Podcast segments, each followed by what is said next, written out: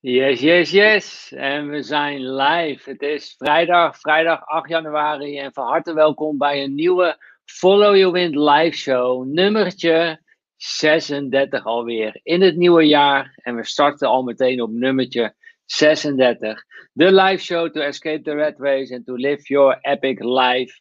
Waarom ook niet? Waarom zouden we er ook niet meteen voor gaan voor ons epic life? En vandaag gaan we met z'n allen daar weer aan, uh, aan werken. Dus onwijs tof dat jullie er allemaal weer, uh, weer zijn. Laat even in de chat weten of ik goed te verstaan ben. Dat is natuurlijk wel, uh, wel fijn. Dus laat het even weten in de chat. Ben ik goed te verstaan?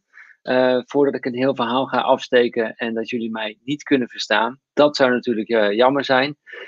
daarbij wil ik jullie natuurlijk ook allemaal Feliz Año Nuevo. Hè, gelukkig nieuwjaar wensen. En onwijs tof dat jullie er allemaal weer, weer zijn. Wat is het idee van deze Follow Your Wind live show? Nou, we praten hier over onderwerpen als investeren en ondernemen. En dat doen we altijd even met een disclaimertje. Uh, wat inhoudt uh, dat wat wij je gaan vertellen vandaag is absoluut niet de waarheid. Het is slechts een idee. En we nodigen je uit om je eigen visie te ontwikkelen. Maak jezelf financieel slimmer en mentaal sterker dankzij deze live shows. Want dat is ook waar we je mee willen helpen. Zodat je in alle vrijheid kunt doen wat je wilt doen en wat je te doen hebt op deze wereld. Dat is waar Follow Your Wind voor staat. Uh, dankjewel voor al jullie reacties. Fijn om te horen dat ik goed te uh, verstaan ben. Welkom Victor, Frank, JW, Nout. Onwijs tof dat jullie er allemaal weer uh, bij zijn. En Marion, dankjewel ook. Um, Weet, deze live show maken we ook speciaal voor jullie. Dus doe ook zeker mee in de chat. We hebben straks een gastspreker, maar heb jij vragen? Stel je vragen in de chat. Ik hou het in de gaten voor je. En op het juiste moment ga ik jouw vragen ook, uh, ook stellen. Dus we maken deze live show voor jou. Mocht je er nou al heel veel zin in hebben, net zoveel zin als ik, geef alsjeblieft even dat duimpje omhoog onder deze video.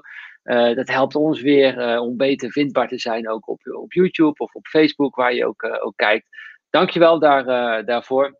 Doe je ons een groot plezier uh, mee en werkt erg motiverend ook uh, voor ons. Um, en heb je je trouwens al aangemeld voor de Follow Your Wind, de groep? Deze week ontvingen we maar liefst 25 aanmeldingen al in één week. We zijn echt flink aan het groeien in de groep. Er zitten al bijna 200 mensen zitten daarin. En dat is de groep waarin we elkaar stimuleren naar financiële vrijheid. En ik vind het onwijs tof om te zien dat er niet alleen dat Nicole en ik daar aan het delen zijn, maar dat de groep nu ook start met het delen van interessante informatie, wat jou kan helpen om sneller financieel vrijer te worden. De groep kun je vinden op followyourwind.com slash groep. Dan kun je gewoon gratis aanmelden. Dus uh, doe dat ook uh, zeker. En van harte welkom in de groep. En het tweede wat ik nog met je wil delen voordat we starten, hebben jullie het al gezien? Hebben jullie hem al gedownload? Laat het even weten in de chat of je hem al hebt uh, gedownload. We hebben natuurlijk meerdere live shows gemaakt over Bitcoin. En Bitcoin stond op dat moment, ik denk dat onze eerste live show toen wij het maakten, stond Bitcoin nog op 5000 dollar. En laatst maakten we een live show, toen stond hij nog op 10.000 dollar. Inmiddels staat Bitcoin, vandaag heeft hij ook weer de 40.000 dollar aangetikt. Dus we hebben je erop voorbereid op Bitcoin. Uh, maar we hebben nu ook een speciale handleiding gemaakt. De Bitcoin Video Handleiding. Kun je gratis downloaden via followyourwind.com slash gratis BVH. Laat even in de chat weten of je dat al hebt gedaan en wat je ervan vond. Uh, daar zijn wij natuurlijk ook heel erg uh, benieuwd naar. Wat staat er in die handleiding? Nou, we leggen je gewoon heel simpel uit. Wat is Bitcoin? Welke prijsstijging verwachten wij nog steeds? Dit is pas het begin volgens ons. Uh, waar koop je, verkoop je en bewaar je jouw Bitcoins? Hoe bepaal je nou het juiste instapmoment? We hebben daar een, eh, een handige strategie voor ontwikkeld die je ook kunt toepassen. En dan stap je eigenlijk altijd in op het juiste moment. Dus dat vind je ook in de handleiding. En hoe ontvang je ook uh, rente op je bitcoins? Wij ontvangen zelf dagelijks rente op de bitcoins. En ik kan zeggen, het loopt aardig op, want onze rente is nu al meer dan 100 euro per maand. Nou, dat is toch mee om, uh, mee mooi, zeg dat? Mooi meegenomen, zo wilde ik dat zeggen. Dus download gewoon even die, uh, de Bitcoin video handleiding, followyourwind.com slash gratis. koppelteken BVH. En dan kun je hem, eh, heb je gratis toegang. En kun je erin verdiepen en kun je zelf bepalen of je wel of niet in Bitcoin wilt, wilt investeren. Uh, wij zijn Bitcoin believers, daarom hebben wij dat gedaan. uiteindelijk gaan wij ook van de Bitcoins gaan wij weer vastgoed kopen. En misschien gaan we ook wel vakantiewoningen kopen. Want ja, daar gaan we het vandaag over hebben. Vakantiewoningen kopen en verhuren in Nederland. En misschien ook wel in het buitenland. Dat is het onderwerp voor, voor vandaag. En was eigenlijk naar aanleiding, ik heb het ook in de mail uh, gezet, van vrienden van ons hier, die wonen in, uh, in Malaga. Maar die hebben dus in 2020 hebben zijn vakantiewoning gekocht. Voor 69.000 euro hebben zijn vakantiewoning in Nederland gekocht. En echt gewoon een stenen vakantiewoning was dat. Gewoon, gewoon eigenlijk gewoon een huis. Toen ik die foto zag, zei ik, nee, dat is gewoon een huis. Toen zei ik, ja, daar kunnen ook gewoon vier personen in. Alleen het staat op een vakantiepark en het heeft een bepaalde stemming, bestemming. Dus zij gaan ook uh, korte termijn verhuur doen. En dat besteden ze helemaal uit. En zij zeiden van ja, we hebben gewoon even de, de, de kosten en de baten van elkaar afgehaald. En dan blijft er dus gewoon 7000 euro netto blijft er over voor hen per jaar. Nou, volgens mij een best wel een goede investering. En toen dacht ik van hé, hey, hier moeten we meer over weten. Wie kan ons hier nou meer over vertellen? Nou, dat kan onze gastspreker van, uh, van vandaag. En aantal zaken wat we gaan, uh, gaan bespreken is van oké, voor wat voor prijzen kun je nou vakantiewoningen in Nederland kopen? Uh, wat zijn de kosten van het beheer? wat voor rendement mag je verwachten? Wat zijn interessante locaties? Wie is je doelgroep? Zijn dat Duitsers? Zijn dat Nederlanders? Hoe financier je nou eigenlijk zo'n vakantiewoning? aan welke regels moet je voldoen? Het is natuurlijk weer een specifieke markt waarin je gewoon ja, een aantal zaken in moet leren voordat je daarin gaat investeren. Dus daarvoor is deze live show ook van, uh, van vandaag. En nog iets heel interessants. We gaan ook een strategie met je delen. Hoe jij gewoon al kunt starten met de vakantiewoningen, met het verhuur, zonder dat je een eigen vakantiewoning hebt. Dat gaan we het ook over hebben. En kun je toch een extra inkomen, bijvoorbeeld naast je baan of naast je onderneming, al creëren terwijl je zelf nog niet een eigen vakantiewoning hebt. Het is ook iets wat we vandaag gaan uh, bespreken, want ik weet dat onze gastspreker dat zelf ook, uh, ook doet. Laat ik hem in de, in de live show gaan, uh, gaan halen voor jullie. Um, onze gastspreker werkte net zoals de meeste in Nederland van 9 tot 5. Maar in 2018 heeft hij het roer omgegooid. Samen met zijn vrouw hebben ze gezegd: we gaan voor vrijheid, we gaan voor leven nu. We willen nu leven. En ze zijn een vastgoedportfolio gaan opbouwen. Tegenwoordig heeft dat een waarde van 1,2 miljoen met zes panden die ze hebben. En met name gericht op, uh, op vakantiewoningen. Daarnaast hebben ze ook nog 20 panden in beheer, wat ze verhuren. En momenteel zijn ze ook bezig om een vakantiewoning in Tenerife te, te kopen. Daarnaast is het gewoon een enorm toffe gast. Is een kitesurfer, net zoals Nicole en ik. Dus er was al meteen een, eh, een match tussen, tussen ons. Hij is vader van de zeven maanden oude Jackie. Hij is de man van Priscilla, waarmee hij het bedrijf runt. Geef hem een heel groot applaus. En dat doen jullie met dat duimpje onder deze video. Daarmee geef je het grote applaus voor onze uh, gastspreker. Doe dat als je, alsjeblieft. En jullie weten, abonneer natuurlijk ook even op ons kanaal. Uh, dat vinden we heel erg tof. Uh, wekelijks, dagelijks komen er bijna nieuwe video's om je te inspireren en te motiveren naar financiële vrijheid. Nog één keer dat duimpje en daar is onze gastspreker van vandaag, Nicky! Hi Stijn! En de rest natuurlijk. Tof dat ik er uh, ja, bij mag zijn vandaag. Ja, onwijs tof voor je om je in, in de uitzending te hebben, Nicky. Dankjewel voor je, voor je tijd. Uh, la, laten we er meteen induiken. Uh, Nicky, jij komt uit uh, Egmond aan Zee. En wat jij mij vertelde is dat het daar vrij gebruikelijk is dat je een huis hebt, maar ook een vakantiewoning. En die staat vaak in de, in de tuin al, die vakantiewoning. Dat het dus eigenlijk heel normaal is dat je naast je werk, ja, verhuur je ook je vakantiewoning. Dat is hoe je bent opgegroeid, toch? Ja, dat is in de meeste dorpen langs de Nederlandse kust. Je hebt het echt in België is bijvoorbeeld ook, als je echt eigenlijk de hele westkust uh, doortrekt. Nog steeds vertellen, ik ben in Mimisan geweest uh, een aantal jaren terug. Eigenlijk helemaal de hele westkust tot aan, uh, ja, ik denk tot Den Helder. staan woningen, maar ik ben opgegroeid dus in, in Egmond aan Zee. Al heel mijn leven woon ik hier. Mijn vader was sportleraar op de ALO in Amsterdam. En mijn moeder die werkte in een, in een kledingzaak. En die hadden hier een woning gekocht. En het is gewoon een rijtjeshuis, waar ik nu ook zelf in woon. En daarachter staat een stenen vakantiewoning. Ook gewoon rijtjes, zeg maar, vakantiewoningen. En van oudsher komen er al Duitsers naar de kust, omdat dit is gewoon de, kortste route naar de, naar de kust. En ja, zo ben ik echt mee opgegroeid. Ze deden ook zomers bijvoorbeeld kamers verhuren. We hebben vier kamers op de eerste verdieping. En mijn broer en ik lagen in het stapelbed. Twee kamers was, uh, ja, Zimmer met vroestoek, hè, heette dat toen nog. Gewoon bed en breakfast, eigenlijk wat je nu ziet met de Airbnb-achtige tafereelen. En natuurlijk de vakantiewoning. En um, ja, wat ik zei ook tegen jou, ik zat gewoon wij gingen bijvoorbeeld ontbijten om 7 uur, dan werd de tafel opnieuw gedekt. En uh, dan zaten de Duitsers van half acht tot half negen. En dan, uh, ja, zo ging dat. Maar dat gaf ons toen al enorm veel vrijheid. We konden meerdere malen op wintersport. En, dus ja, het is wel echt met de paplepel op die manier uh, erin gegoten. Ja. ja, maar wat ik dus ook niet wist, en jij liet ook een foto van mij zien van bovenaf, is dat er inderdaad gewoon rijtjeshuizen zijn in Egmond aan Zee. Maar iedereen in zijn tuin heeft gewoon een vakantiewoning. Ja. En en, en die wordt gewoon verhuurd. En dat, nou, het was niet het primaire inkomen hè, van je ouders, maar gewoon ja, een extraatje. En waardoor jullie extra op uh, wintersport konden, bijvoorbeeld. Absoluut, ja. ja. Kijk, er komt iemand koffie brengen hier, top.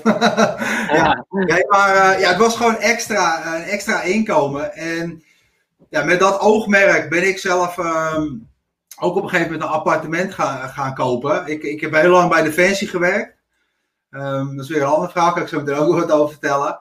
En maar goed, ik wist wel van jullie Duitsers, die komen hier altijd. Dat is gewoon steady. Dus, zolang ik, ik zeg maar uh, kan herinneren, tot ongeveer drie jaar terug, totdat ik het, uh, het huis uitging, ging dat gewoon door. En die komen altijd. Nog sterker, het is nu dan eindelijk, of eindelijk, het is nu even rustig. Nu komen we volop Nederlanders die toch eventjes uh, eruit gaan.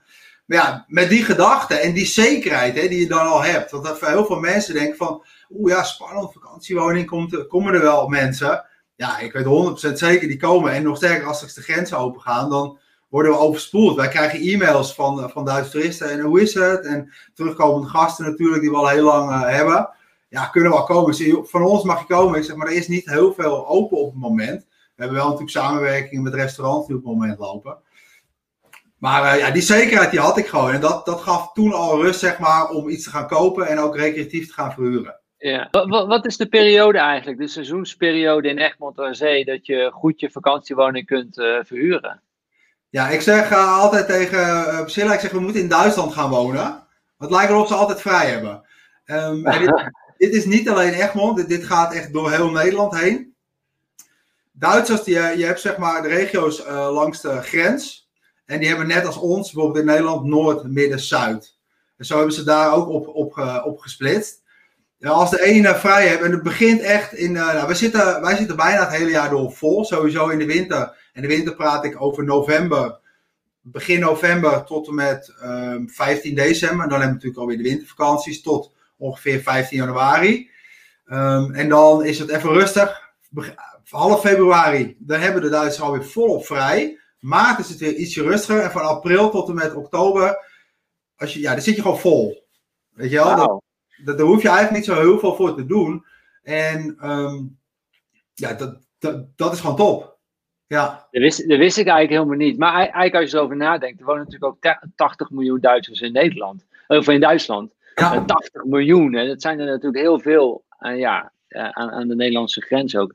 Maar ja. je hebt natuurlijk ook wel Nederlandse mensen die komen ja. huren, toch? Nu, nu op dit moment hebben we echt superveel Nederlanders. Want mensen gaan niet meer ver vliegen, hebben geen zin in dat gedoe. Of zijn gewoon bang voor uh, corona.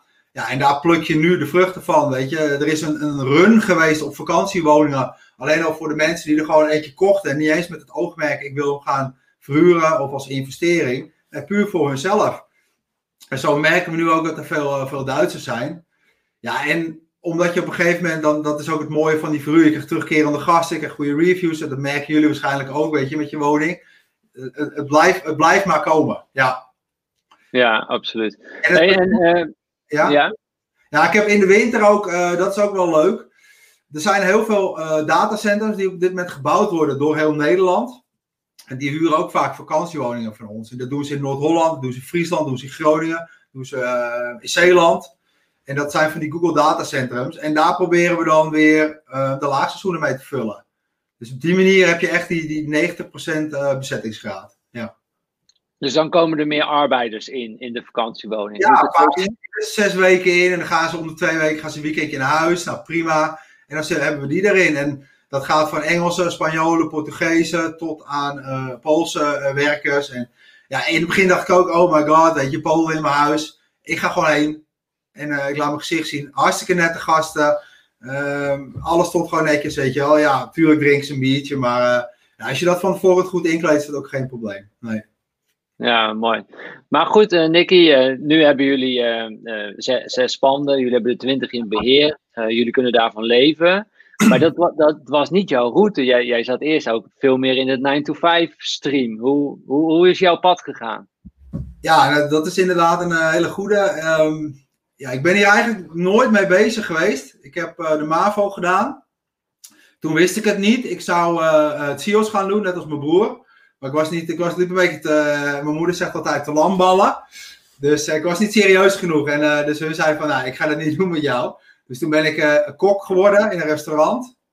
Tot mijn zeventiende. En in de bouw werkte ik overdag als sloper. Maar ja, toen had ik zoiets van, dit is hem ook niet. En um, toen kwam mijn moeder aan op een gegeven moment de televisiering. En ze zei, weet je wat jij moet doen? Een beetje discipline. Jij gaat naar de mariniers. Ik zeg, oh, wat is dat dan, weet je wel? Ja, dat is bij Defensie. En dan, uh, nou, ik zeg prima, weet je. Ik zeg, uh, waar, wie niet waagt, wie niet wint. Dus ik ben bezig keuren. En dat was wel grappig. In Amsterdam was dat op Kattenburg. En um, ja, dus ik ging daarheen op de keur. Nou, fysiek was ik gewoon in orde, en psychisch ook. En dan moest je daar twee dagen blijven. En toen was het echt nog 20 cent voor een biertje. Dus ik zei, wat heb ik sms'en toen nog aan moeder. Je hebt me naar de hemel gestuurd. dus je gedraag je wel. Ik liep af en toe wel een beetje te schooieren. Maar uh, ja, dus toen ben ik bij de mariniers beland. En uh, daar heb ik een flinke carrière opgebouwd. Tot aan uh, teamleider bij de Marshof, Special Forces. Daar heb ik de laatste ja, acht, negen jaar rondgelopen. Is een leuke documentaire nu over op Videoland. Zit ik ook in overigens. Kijk of je me eruit vist. Um, ja, en omdat ik bij Defensie zat, had ik, um, ben ik veel op uitzending geweest. Ik ben zeven keer op missie geweest. Van Irak, Afghanistan, Afrika meerdere malen. Wow. En ik heb een appartementje gekocht in 2008, maar wel natuurlijk met het oogmerk van ik wil dat als ik weg ben gaan verhuren. En nou, super gaaf appartement. En toen ging ik naar Afghanistan toe, naar Oeruzgan in uh, 2008, Kamp Holland. Alles uitgezocht zelf van tevoren, want ja, het internet was toen nog niet je van het en zeker niet op missie. Uh, dus ja, gewoon, ik wist precies hoe ik het wilde gaan hebben. Ik heb iemand gezocht die ging het beheren voor een bepaald uh, bedrag schoonmakers gezocht, die, weer gekoppeld met de beheerder, zeg maar. Uh, netjes ingericht, uh, mappen uitgewerkt, zorg dat alles klopte. toen is dat gaan draaien. En um, toen heb ik 14.000 euro omgezet met die woning, dat ik weg was dus. Terwijl ik in, in Afghanistan, ik zat bij de Chinese, was bermbom aan het opsporen. En ik kreeg af en toe die e-mails binnen van het gaat lekker, weet je wel. Dus ik dacht, hé, hey, dat is goed. En ik verdiende daar ook flink geld. En ja, wat ik deed, Iedereen kwam terug van uitzending en ik moet een Audi hebben, ik moet dit, dat je, je verdient gewoon best veel geld. En ik had zoiets van, ik wil die hypotheek aflossen, want dan heb ik eh, straks een vrij huisje en dan heb ik geen vaste lasten meer. Dat was mijn gedachte en nog helemaal niet de rich dad, poor dad mindset. Hè. Dat is echt pas bij mij in, in 2018 gekomen. Maar toen liep ik daar wel al mee rond. En nou, toen ben ik weer, ik ben een mountain leader geworden, een opleiding van een jaar bij de Special Forces in Engeland. Weer mijn huis verhuurd. Nou, dat ging ook weer eh, als een trein. En toen ben ik daarna bij de Marshof geplaatst. En ja, als je bij de Marshof zit, dan pak je je rugzak eigenlijk niet eens meer uit. Want je gaat van missie naar missie naar missie naar missie. Je wordt echt geleefd. Super gaaf hoor, laten we het vooropstellen. Maar wel veel weg. En ja, wat weer het voordeel was voor mij, dat ik mijn woning kon verhuren. Dus ja, ja je, was dus eigenlijk gewoon dubbel aan het verdienen. En je, en je bent er eigenlijk in, ingerold. Je, je, je had het eigenlijk helemaal niet door dat, ja, tot hoe ver dit nu zou kunnen uitgroeien met, met je zes panden en twintig in beheer. Jij dacht gewoon heel praktisch, nou ik heb een appartement voor mezelf nodig, dat kan ik aankopen. Als ik het uh, ben, dan ga ik er zelf in wonen. Als ik er niet ben, en ik ben er vaak niet, dan verhuur ik het. Ja, dat was, dat was het En uh, ik, ik, ging het gewoon aan en uitzetten. En, en dat is het mooie van, van recreatieverhuren. Je kan het op verschillende manieren doen. Je koopt een chalet die, uh, die je gaat verhuren. Of je koopt een stenen vakantie en die je fulltime gaat verhuren. Of je gaat bijvoorbeeld um, in Egmond, mijn woonhuis waar we nu wonen, zitten we ook aan te denken om een hele mooie camper te kopen. van de zomer. En dan doe ik alles gewoon even op zolder en dan richt ik het gewoon leuk in. Ja, en dan kan je ook gewoon hier weer dit, dit verhuren. En dan pak je toch weer best wel flinke, uh, ja, flinke verdiensten op. Ja. ja, ja, ja, mooi. En uh, hoe, als je kijkt naar uh, jouw omgeving, uh, die bij, bij bijvoorbeeld bij de Special Forces, hoe, hoe gingen zij met hun geld om? En, en deden zij ook dat investeren weer in woningen? Nou, in het begin, uh, toen de tijd helemaal niet. Toen zeiden ze, ja hoor, ben jij nou aan het doen? Ligt iemand in je bed? En ja, ik zeg, joh, dat maakt mij niet zo heel veel uit, weet je. Ik, ik had toch andere toppers en matrassen en hun waren er niet mee bezig. Heel die mindset was er niet daar. Eén ehm, jongen, die was, er wel, die was er wel wat actiever mee. En die is ook echt um, ja, in 2015 ook al begonnen met panden. Die heeft er nu 34. Dus die gaat de goede kant op. Maar dat is echt buy to let, zeg maar. Doen wij ook overigens. Maar voor de rest was ik wel, uh, denk ik, uh, ja, um, een, eenzaam daarin om dat op die manier te doen. Ja ik merk nu wel, ik heb wel toen de tijd ben ik mensen gaan helpen. Hè. Ik heb een collega van me geholpen, die is, uh, die is dat gaan doen. En toen hun helemaal zeiden van, hij zei, ja, godverdomme, het werkt wel. Er, komt gewoon dubbel, er komen dubbele toelagers binnen, letterlijk. En bijvoorbeeld iemand in Utrecht heb ik geholpen. En uh, ja, die draaide ook echt gigantisch goed, weet je wel. En ondertussen, toen in het begin uh, waren ze heel sceptisch, maar later, ik denk dat ik wel tien man op weg heb geholpen ermee. Ja. En die leer ik nu ook van spaar die 30% bij elkaar, wat bijvoorbeeld Cherry laatst uh, gaf als tip, of, of van den Berg. En dan kan je weer investeren in buy to let. En ja, ik gebruik echt de recreatieverhuur als de cashflow. En dan koop ik of een recreatiewoning die mijn pad komt, of natuurlijk gewoon een andere woning waarvan de bar goed klopt. Ja. ja. Ja, maar wat ik dus belangrijk vind en wat ik even wil uitlichten is, ik, een van de eerste live shows die Nicole en ik hebben gemaakt. Of de eerste live show die Nicole en ik hebben gemaakt. Die had de titel uh, Tegen de massa in voor vrijheid. En, en, en dit is ook, jij voelde je ook dus weer eventjes eenzaam. Want jij was dingen aan het doen tegen de massa in. Want de massa die kocht die Audi. Of die, hè, die kochten al die doodads eigenlijk. En jij dacht, nee, ik, het verdiende geld ga ik gewoon herinvesteren. En en, en, en nu zit je op het punt dat je onwijs veel vrijheid hebt en waarschijnlijk de massa niet. En die werkt nog steeds 9 to 5. En ik denk dat dat ook zo belangrijk is waarom we ons moeten verenigen met Follow Your Wind. Dat we allemaal diezelfde mindset hebben om te kijken van hey, hoe kunnen we je geld herinvesteren? Hoe kunnen we het voor ons laten werken? Zodat we meer vrijheid hebben.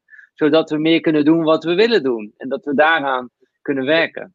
En jullie hebben dat dus in, in tien jaar tijd, ben je financieel vrij geworden. Absoluut, ja moet nu wel zeggen, ik had, uh, ja, tuurlijk ga je op een gegeven moment, je moet je omringen met, met, met mensen. En ik had één maat van me, ook een goede kitesurfer uh, overigens. Misschien kom ik eerder eens even buurten met hem uh, bij jou, Bas. Die was er ook al heel lang mee bezig. En op die manier trek je elkaar wel heel erg, uh, heel erg omhoog. En, en, en, ja, dat is, was echt wel de kickstarter ook voor ons. Om, om het ja. zeg maar op, op die manier te gaan doen. Maar ja, in het begin waren wij hier echt wel uh, uniek in, denk ik. En nu zien steeds meer mensen van, wow, weet je wel. Toeristen zijn er altijd, het is niet superveel werk. De verdiensten zijn wel gewoon gigantisch goed. Ja, en je moet gewoon iets erbij gaan, gaan verzinnen voor, de, voor naast je salaris, voor je pensioen, om leuke dingen te doen, weet je. Dus... Ja, ja, ik wilde, ik wilde zo even in de vakantiewoningen duiken. En ik zie ook een vraag van Han. Je hebt het over 30% sparen. En wat bedoel je daarmee? Daar, ga, daar gaan we het zo even over hebben. Nog, nog één vraag die ik van tevoren wil doen. En ik ben ook wel benieuwd naar. Wat, wat is voor jou uh, financieel vrij? Ja, dat, dat, is heel leuk. Hè? Daar hebben we het laatst natuurlijk ook over gehad. Um, ik heb mijn vaste lasten op alle woningen zitten.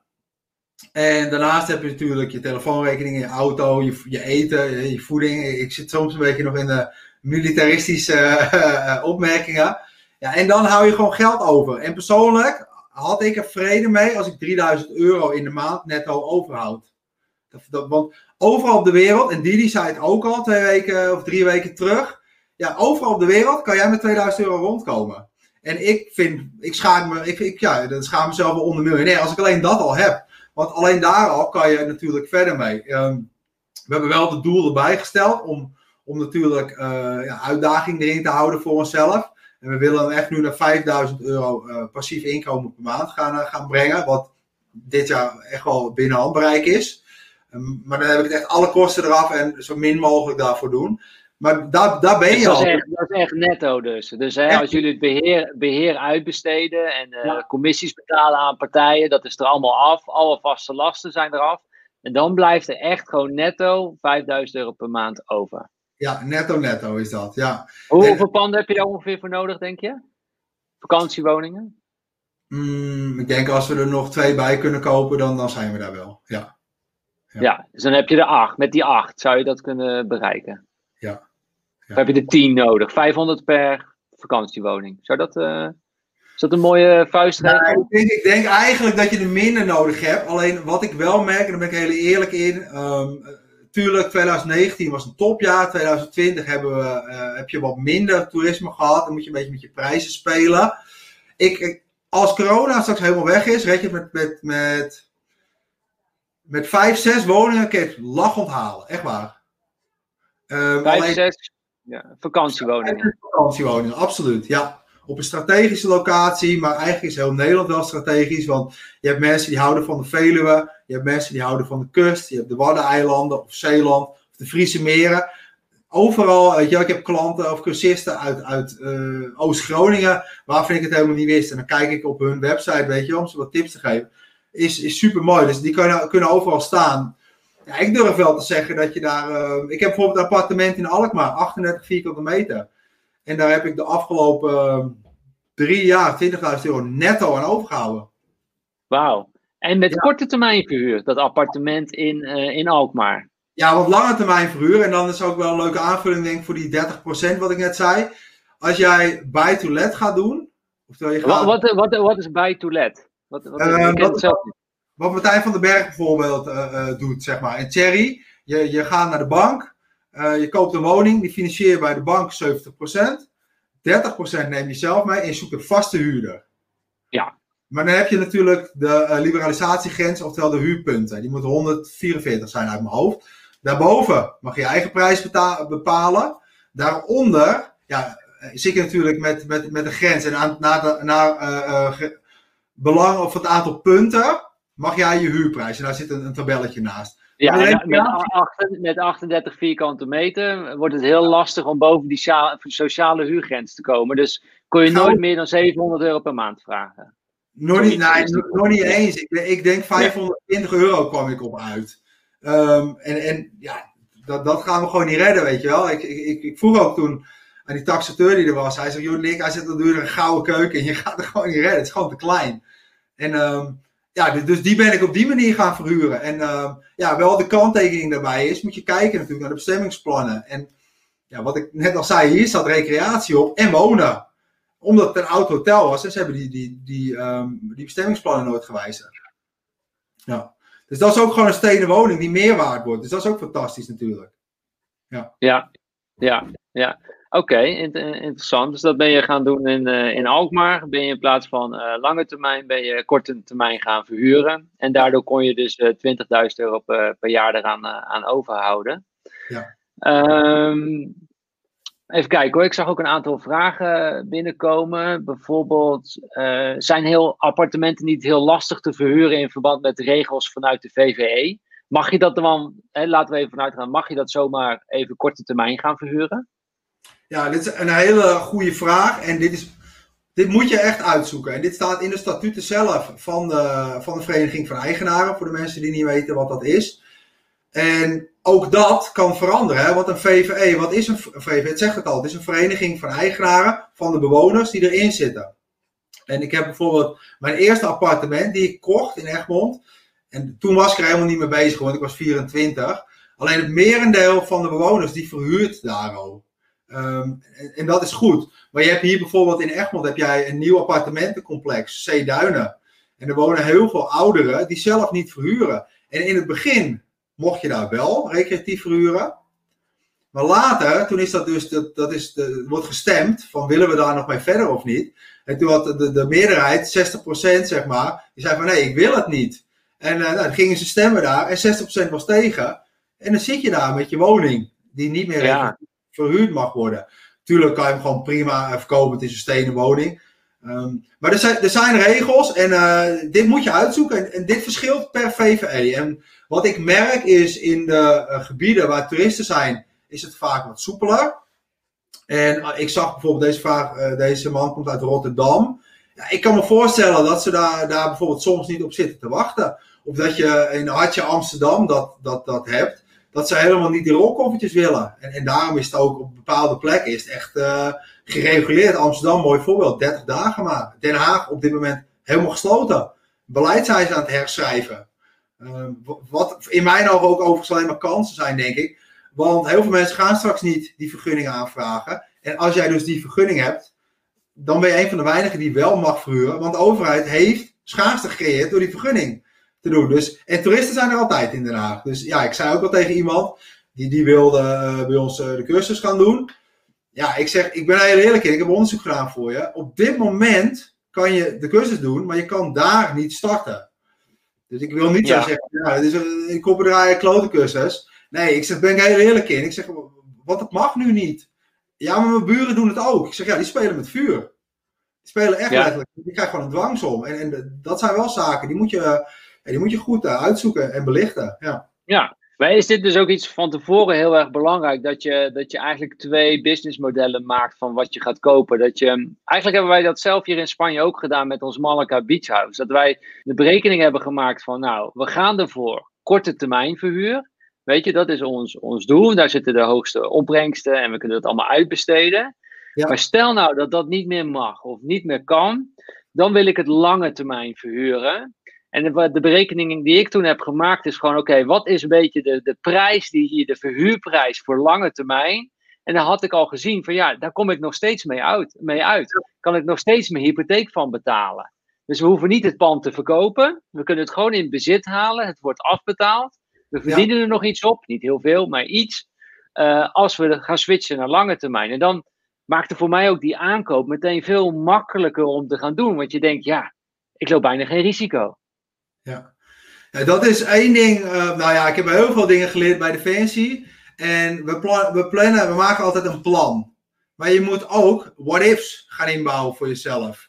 En dat is natuurlijk wat, wat, jullie ook hebben gedaan. Vind ik wel leuk. Waar heb jij gekeken om te kijken voor de... Ik ben gisteren namelijk in jullie woning ook gedoken en ik heb een beetje marktonderzoek gedaan.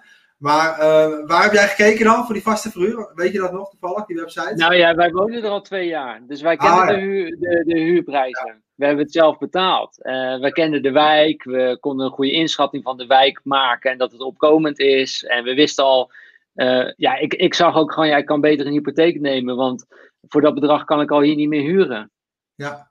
Dus, En we zitten aan het strand, dus dat is ook, het kan niet bijgebouwd worden. Dus dat was ook weer iets. Het is al, uh, ja, het is een pareltje in die, die zin. Um, dus zo hebben wij het marktonderzoek gedaan, echt er naartoe. En gewoon ja. ja. bij jezelf, bij de buren, bij je vrienden vragen: wat betalen jullie? Gewoon heel brutaal, maar ook gewoon aan je vrienden vragen: wat betalen jullie voor dat huis? Gewoon ja, je, je marktonderzoek doen. Niet alleen op Funda, maar juist ook gewoon even aanbellen. Ja, ja je, kan, je kan van tevoren kan je al heel erg gaan trechteren natuurlijk, hè? Om, om zaken uit te zoeken. En wat jij net zei, dat is echt de spijker op zijn kop. En dat is een gouden tip als mensen ooit ergens iets gaan kopen. Um, zeker in het buitenland. Ja, jullie zitten aan zee en er kan niks voorgebouwd worden. Die plek is goud waard. Dus je hebt ook je waardevermeerdering van het pand. Hè? En, en dat vergeten een hoop mensen. Maar, maar daar zit ook echt, zeker als je een stenen woning koopt, chalet heb je dat wat minder. Daar zit ook echt de winst. Dat woningje in Alkmaar bijvoorbeeld. Die, uh, die heb ik wel op een hele grappige manier gekocht. Ik zit ook al een tijdje in de bitcoins. Um, ben ik per ongeluk ben ik daarin gerold. Omdat ik, um, ik was toen, even kijken, bergtraining aan het geven. En toen zat iedereen zat zo op zijn telefoontje van mijn collega's. Ik zeg, wat zijn jullie aan het doen dan? Ja, we hebben zo'n app Coinbase. En uh, ja, ik ben met bitcoins. Ik zeg, oh, dat is wel leuk. Ik zeg, kan je daar... Ik wist echt helemaal niks van. Dus ik had toen, stond hij nog op 1200 euro. Nou, ik weet je, doe er 1200 euro in. En toen, poep, 2000. Ik zeg, zo, dat ging snel. En uh, toen had, was ik aan het sparen. En toen was ik aan het kijken voor, die, voor, voor nog iets erbij te kopen. Ik had flink gespaard. En toen heb ik, uh, en toen heb ik er heel veel geld in gestopt. 25.000 euro heb ik erin gestopt. In ja, zomer 2017. Ja, toen ging hij natuurlijk, ja, ging, dat was de boeren, zeg maar, wat we nu ook weer meemaken, was toen. Um, ja, en, en, toen schoot hij, zeg maar, omhoog. En toen ben ik ook op die manier gaan kopen. Um, even kijken, wat wilde ik nou gaan vertellen? Dus je hebt daar, je hebt van die bitcoins je appartementen in Alkmaar gekocht? Ja, ja ik wist ook toen nog niet van de financieringshypotheken af. Dus ik dacht gewoon toen echt, nou, ik heb dit woningje gezien, die was 119.000 euro. Of daar ben ik op uitgekomen. Ik moet zelf 119.000 euro, want ik heb alleen een hypotheek om mijn andere woning. Ik had die andere woning ook afbetaald. Ik denk, ja, als ik nu een nieuwe woning moet kopen, moet ik gewoon 120.000 euro bij elkaar uh, sparen. Uit de verhuur en uit uh, mijn werkzaamheden. En natuurlijk uit beleggen. En uh, ja, toen heb ik die gekocht. En, ja, en, en zo ben ik ook gaan opschalen. Want toen sprak ik dus Thierry, die een paar weken terug in de uitzending had. En nog, nog voordat, ik ben ook lid bij Van Vasco's club. Daar sprak ik Thierry al een tijd geleden. Ja, en toen zei hij van, wow, heb je al die pandenhypotheek vrij? Ik zeg, ja. Ik zeg, maar kan dat anders dan? Ja, ja, hij zegt, je kan herfinancieren. En, en toen ben ik ook Rich Dad Poor Dad gaan lezen. En ja, toen ging er een wereld voor me open. Ik denk, wat gebeurt hier allemaal? Ja. Ja, dat is mooi. Maar de, de vraag is ook, uh, Nicole, mijn vriendin, vroeg zich dat ook af. Uh, kan je, stel dat je een vakantiewoning koopt, maar laten we nu even echt van een vakantie-vakantiewoning uitgaan. Het staat op een vakantiepark, het is wellicht een chalet, een houten chalet. En je hebt het helemaal afbetaald. Kan je die dan nog steeds herfinancieren? Wil een bank dat ook doen? Nee. Nee, de, de, de, de reguliere uh, investeringsbanken, denk aan Domnivest, Nestor, RNAB, etc., die doen dat niet. Waar, wat je dan moet gaan doen, is als je wil gaan herfinancieren. Ik heb één cursist van mij, die heeft dat wel gedaan laatst. Die is dus zonder eigen geld, een stenen, wat je zei, zo'n bungalow heeft hij gekocht. Deze was iets duurder. Hij is op 130.000 euro uitgekomen. Ehm, en die heeft hij gewoon zelf zou hij een gedeelte van de overwaarde zou hij erin gaan stoppen. En hij is in dit geval naar een externe privé-investeerdersmaatschappij gegaan. Waar hij uitkomt op een rente van 5, nog wat procent. Iets meer. Maar ook hier is natuurlijk weer, ja, koop de woning met je rekenmachine. Oftewel, ga ja. voor een goed marktonderzoek doen. Ga erheen, proef de sfeer. Ga niet blind de eerste keer heen bij een makelaar die zegt dit is het. Weet je, ook al heb je een heel goed gevoel, niet meteen tekenen, ga alsjeblieft terug. Kijk nog een keer met je rekenmachine. En dan uh, kan je dat gaan doen. Maar de reguliere banken doen dat niet. Wij, en daar, daar, was ik ook wel echt wel teleurgesteld in hoor. Want wij hebben, wat ik zeg, we hebben onze eigen woningen in beheer.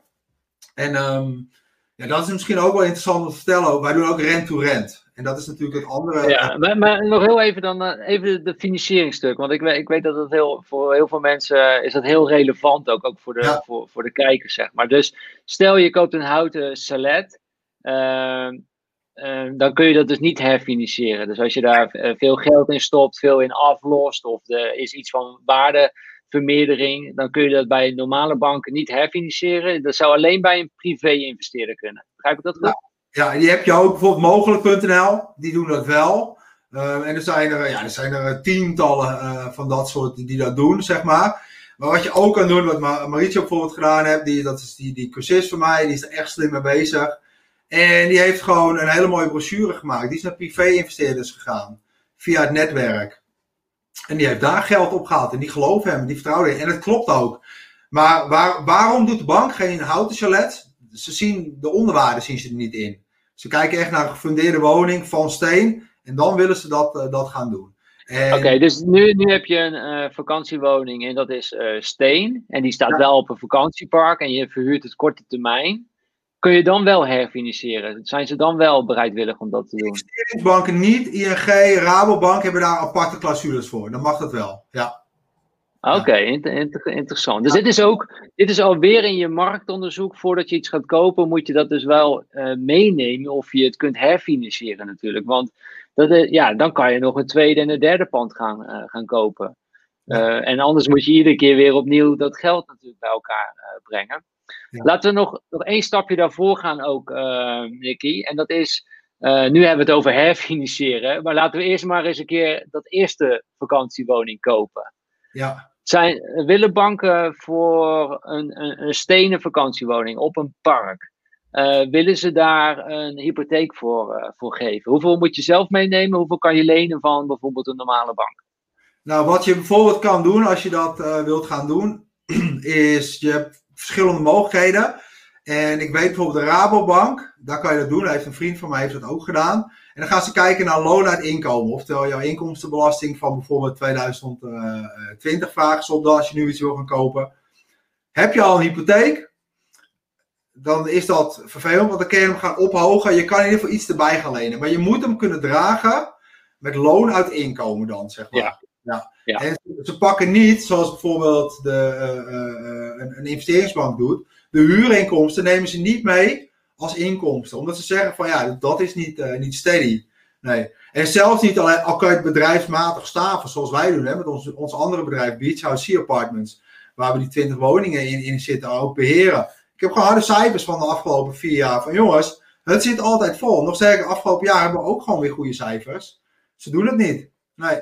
Dus, Nee.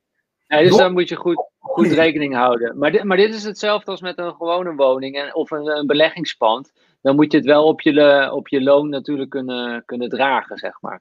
Ja. Anders zullen ze dat niet eh, doen. En dan moeten we dan net als eh, re- weer rekening mee houden dat je 30% eigen inleg en de rest willen zij financieren. Is dat de regel ongeveer? Ja, verschilt ook per woning. Hangt ook af van de taxatie van de woning. Maar als je 30% neemt, zit je heel safe. Maar ik heb laatst ook gehoord dat iemand 15% bijvoorbeeld zelf hoeft mee te nemen. Ja. Maar goed, als we dan dus kijken, een, een, een normale woning kan al zo 2 ton zijn, dus 60.000 euro. Nou, dat heeft misschien niet iedereen. Eh, een vakantiewoning kan, hè, wa- wat ik bijvoorbeeld zei, de vrienden van ons, die was 69.000. Maar stel dat het eh 100.000 euro is, dan kan je dus. Zijn, zijn, hoeveel vakantiewoningen van 100.000 euro zijn er eigenlijk te koop ongeveer? Dat is een hele goede vraag. Alleen, ehm, ja, de, de prijzen in vakantiewoningen verschillen heel erg. En ook de definitie natuurlijk van een vakantiewoning. Hè? Zoals in Egmond zit die bij, bij in, in je achtertuin. Het is gewoon een stenen woning. Het is echt gewoon 55 vierkante meter. En je kan er prima, alles is aanwezig. Dus ja, als, je die, als ik die los zou verkopen, ik zou hem kadastraal scheiden, dat kan. Dan zou ik er echt 150.000 euro voor kunnen vragen. Appartementje in Alkmaar bijvoorbeeld, dubbelbestemming. Die van mijn buurman is laatst voor 203 weggegaan. Ja. Maar een chalet bijvoorbeeld, ik ben eh, bij de staakervenmakelaar geweest. Ik wilde gewoon weten hoe, hoe zit dat? Want chaletmarkt is nieuw voor mij, dus ik ben er helemaal ingedoken afgelopen jaar. Ja, Je koopt al gewoon knappe chalets vanaf 20.000 euro nieuw. Oplopend tot hoe gek jij het wil hebben, natuurlijk tot, tot 2 tot en met 5 ton. Dan heb je echt wel een, eh, ja, dan heb je zeg maar de tabbert onder de, onder de chalet. Maar Ja, dat hoeft niet heel veel te kosten hoor. Voor 30.000 euro heb je echt wel iets leuks. Ja. voor Maar- 30.000 euro heb je met een houten, houten chalet. Ja, vaak is dat van het kunststof is dat. Maar om terug te komen, die stenen woningen, die zijn, ik denk dat het onderste segment 60 is. Oplopend naar ongeveer eh, 250, denk ik. Ja. Ja. Ja, ja. En eh, Maar wat, goed, dat is eh, interessant om te gaan onderzoeken. Dus als je een, een mooie eh, stenen vakantiewoning op een vakantiepark kunt vinden voor, voor 80.000 euro. En je neemt zelf eh 30.000 euro mee, zit je ook best wel safe. Ook qua, qua, qua lasten wat je dan nog hebt en wat voor de, de verhuurinkomsten die je wellicht kunt, eh, kunt hebben. Ja. Is dat is al een mooie opstap toch eigenlijk? absoluut. Om gewoon in het vastgoed te komen. ja, En je- en een tweede inkomen naast je baan of naast je onderneming gewoon te hebben. Ja, ja maar dat- en, en dat vergeten gewoon een, een hoop mensen. Wat wel belangrijk is, en dat, dat moet ik er wel bij zeggen. Ga van tevoren altijd even in gesprek met de, met de parkeigenaar. En wat is zijn visie? En, en wilt hij ook dat er verhuurd wordt? Of wilt hij juist van nee, je mag hier niet verhuren? Want dat kan hè. Dus het is niet voor niets. Daar ben ik ook echt achter gekomen afgelopen maanden. Je belegt buiten AFM-gebied, Autoriteit Financiële Markt. Waarom? Omdat de parkeigenaren, die hebben de macht. En ehm 9 van de 10 staan er positief tegenover, maar je zal net die ene treffen. En daarom is het ook belangrijk, zeg, ga, ga alsjeblieft kijken, ga heen. Weet je wel, ga praten met die man, ga praten met de buren. Hoe zit dat, weet je wel? Wat, wat, wat zijn hun visies? En misschien is het wel een hele oude man, maar wilt hij het gaan verkopen? Want dan veranderen, dan worden de kaarten opnieuw geschud. En, ehm, maar als je die hebt, zoals die, die vriend van jou, dan heb je een fantastisch extra inkomen. Ehm, en wat ook Ja, en zij, mogen, zij mogen het verhuren. En eh, dat wordt niet door het vakantiepark eh, gedaan, maar wordt Ja. door een externe partij wordt dat dan eh, gedaan. Ja. En, en die nemen dat eigenlijk helemaal over en die verhuren dat dan voor hen. Maar daar, daar zit je natuurlijk ook mee. Hoe, wat, vind jij het prima dat een externe partij dat voor jou gaat verhuren? Of vind jij het prima dat het vakantiepark het gaat verhuren? Of heb jij meer voorkeur voor eigen beheer? Ja, wat, wat wij aanleren in de cursus is dat je het in eigen beheer houdt. Maar je besteedt het wel uit. Oftewel, gaat het wel naar box 3. Maar nog sterker, als iemand het voor mij gaat doen en hij vraagt daar um, 20% commissie voor. Maar ik hoef echt helemaal niks meer te doen daarna. Ja, als die er zijn, uh, schudden we de hand en dan ben ik heel blij mee. En dan doe ik dat. Ja, maar ik, ik weet wel nu van wat moet hij allemaal kennen en kunnen. Hoe zichtbaar gaat hij zijn met die woning. Want ik weet, als ik het zelf ga doen, als ik zelf de regie in handen houd. Ik heb natuurlijk al marktonderzoek van tevoren gedaan. Ja, dat pand gaat dit opleveren. En dan vraag ik ook aan die, partij als die het gaat doen. Ja, wat, wat schat jij dat het gaat opleveren? Of je vraagt de verhuurcijfers natuurlijk op hè, van de vorige bewoner. En aan de hand daarvan kan je natuurlijk die, die, uh, die inschatting maken. En uh, ja, nogmaals, als iemand dat voor mij wilt gaan doen en ik denk van, nou, dat komt in de buurt van wat ik zelf ook zou gaan doen. Alleen nu heb ik geen werk aan. Fantastisch, doen, ja. En, en meteen, uh, om, om een vraag te beantwoorden, hè, die had iemand van tevoren ook al gesteld.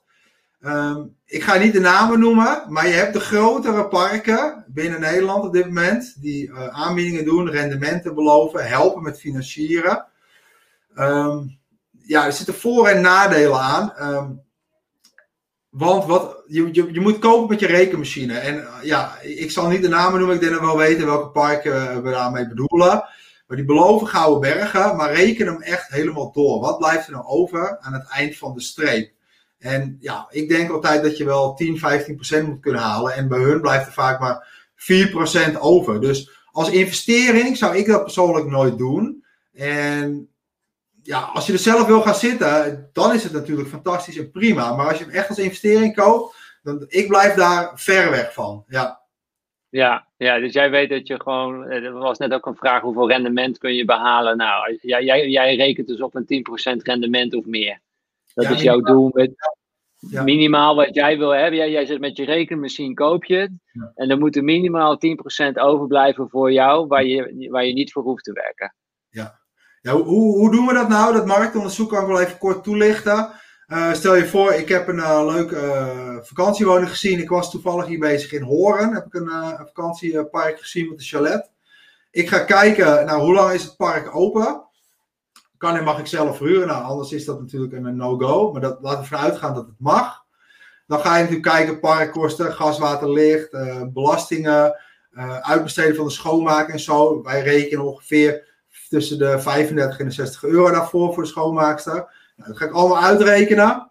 En dan ga ik kijken van oké, hoeveel wordt er hier nou geboekt? Hoeveel toeristen komen er? En laten we dan even gewoon een nul, nulmeting doen zonder uh, corona. Ja, en dan, dan ga je dus kijken, dan duik je de diepte in bij vergelijkbare woningen daarnaast. En dan kijk je echt naar hun kalenders. Maar je gaat ook kijken naar hun reviews. Heeft hij bijvoorbeeld reviews in maart? Weet je wel? En dat zegt mij weer van oké, okay, ja. wordt er ook goed verhuurd. En ik doe schijnboekingen bij hun. Ik ga kijken van oké, wat vragen ze dan? En daar heb ik een heel mooi werkboekje van gemaakt. En dat hou je allemaal bij. Koop alsjeblieft met die rekenmachine. En dan kom je met een grove schatting. En je kan niet zoals bij Buy to Let uh, uh, de barformule erop loslaten. Maar ik zeg wel, wat jij zegt, maak altijd een escape plan voor jezelf. Stel je een mini, mini, mini, minimaal geval met corona, mooi voorbeeld. En wij even goed nog heel goed verhuurd trouwens in Nederland.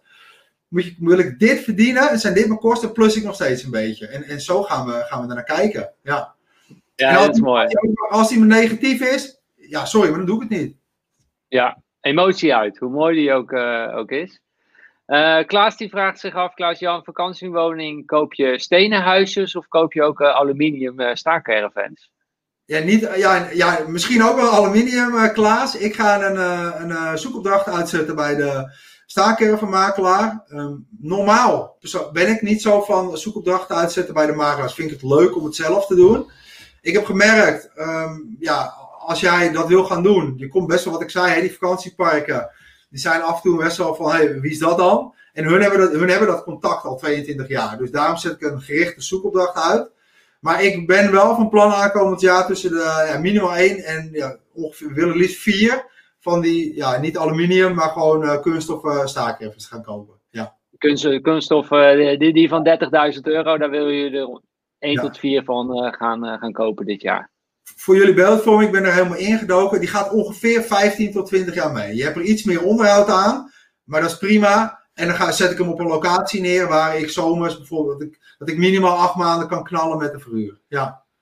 En dan ja. heb je weer een gigantische mooie cashflow zeg maar erop. Wat heb je niet? Waardevermeerdering. Ben ik heel eerlijk in, weet je wel. Hij is wel redelijk waardevast.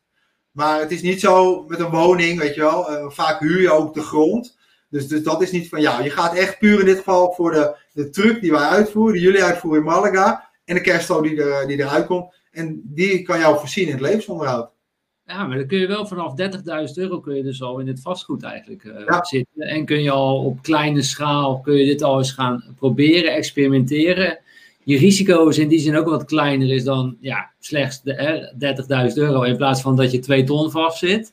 Ja. Zo, zo er ook natuurlijk naar kijken. Ik wil, ben ook heel even benieuwd naar jouw escape plan. Want ik denk dat dat belangrijk is voor mensen. Dat je gewoon, wat jij zei, je moet gewoon in scenario's denken. Wat als er dit gebeurt, wat dan? Wat als er dit gebeurt, wat dan? En hoe zit ik er dan voor? Een, een van die dingen die mijn broer tegen mij zei, uh, zei uh, toen wij hier in Spanje iets gingen kopen. Stijn, het is niet altijd belangrijk om te kijken naar wat de aankoopprijs is. Maar voor hoe snel en hoe makkelijk kan je er weer vanaf? Dat moet je weten. Want er zijn hele goedkope huisjes hier op het Spaanse platteland. Maar ja, je komt er ook niet meer vanaf. Nee. En hier aan de kust is het duurder, maar je komt er super makkelijk vanaf en zonder prijsvermindering. Uh, uh, dus dat vond ik een interessante. Maar ik ben wel even benieuwd naar, uh, naar jou, Nicky, is het volgende. Ja, corona is gebeurd, volledig onverwacht. Jij zat in de korte termijn verhuur met jullie, met jullie panden. We mochten niet meer reizen, de Duitsers konden niet meer komen. Hoe hebben jullie dat opgelost? Hoe, wat, wat zijn jullie gaan doen? 12 maart 2020 werden wij op het krukje gezet door Rutte met dat touwtje om de nek. ja, ik weet het nog echt heel goed. Priscilla was hoogzwanger. Um, ik werk nog als freelancer ook voor Defensie. Ik was net een training aan het geven op de kazerne in, uh, in Oorschot. En uh, toen eerst, het begon allemaal een beetje te rommelen, ik denk ik, december 2019, hè, met dat corona-verhaal in, uh, in China. en toen zei iedereen, het valt wel mee, het valt wel mee, het valt wel mee. En toen waaide het over en toen werd het natuurlijk, ja, gewoon uh, op groei op groei. werd het heel erg extreem. En ja, ik zal eerlijk zeggen, wij hadden in eerste instantie, heb ik hier niet op gerekend hoor. Als ik hier heel eerlijk ben. Want je moet het zo zien, wij hadden zes woningen van onszelf in de recreatieverhuur. En op dat moment hadden we er een stuk of 16 ook die we aanhuurden, rent-to-rent. Dus ik betaal tussen de uh, ehm, 600 euro tot 1750 euro voor een woning. Om dat te huren van iemand. Maar wel met die verstande dat ik het mag verhuren op de recreatieve markt. Maar dan moeten er toeristen zijn, anders heb je een probleem. Ja, en 12 maart hadden we 230 annuleringen. Dus ik dacht, Priscilla was hoogzwanger. En uh, ik denk, dit gaat even niet goed hier al. Maar wat ik wel wist, er is een woningnood op dit moment in Nederland. En dat is dus meteen onze redding geweest. Ik, ben, ik heb één nacht doorgetrokken. Ik ben gaan adverteren op, op, op Pararius, Marktplaats, Funda. Overal heb ik het opgezet. Grote fout gemaakt. Ik heb mijn telefoonnummer erbij gezet. Ik werd gek gebeld. Iedereen wilde huisjes huren. Tegen kostprijs plus. Dus wat hebben wij gedaan? Oké, toen zeiden we oké, dit gaat wel heel makkelijk. En dat was volgens mij dinsdag dat het gebeurde. En op donderdag hadden we bijna 19 eh, woningen verhuurd. Um, alle andere woningen hebben de toeristen die nog wel wilden komen, hebben gezegd, joh, die woning is niet meer vrij. Ik kan je deze aanbieden. Vonden ze prima, dus die hebben we ook vol kunnen, kunnen doen op die manier. En op die manier waren wij gewoon gered, hadden we rust. En ja, oké, ja, hebben we het gewoon, even kijken, maart, april, mei. En met sommige woningen zijn we 1 mei weer toeristisch begonnen en met sommige weer 1 juni. Ja, en het gros 1 mei. En zo hebben wij, uh, dat, dat was zeg maar onze escape module. Ja. En ja. Denk aan... je bent dus ook appartementen lange termijn gaan uh, verhuren, als ik het goed begrijp. Ja, het is niet echt long term. Het was zeven weken. En ik had hun ook, ik had gewoon in het contract gezet. Wij gaan, um, het was toen gewoon op 12 maart. Contracten gingen in rond de 20 maart. Ik heb gezegd, je kan het huren tot en met eind april.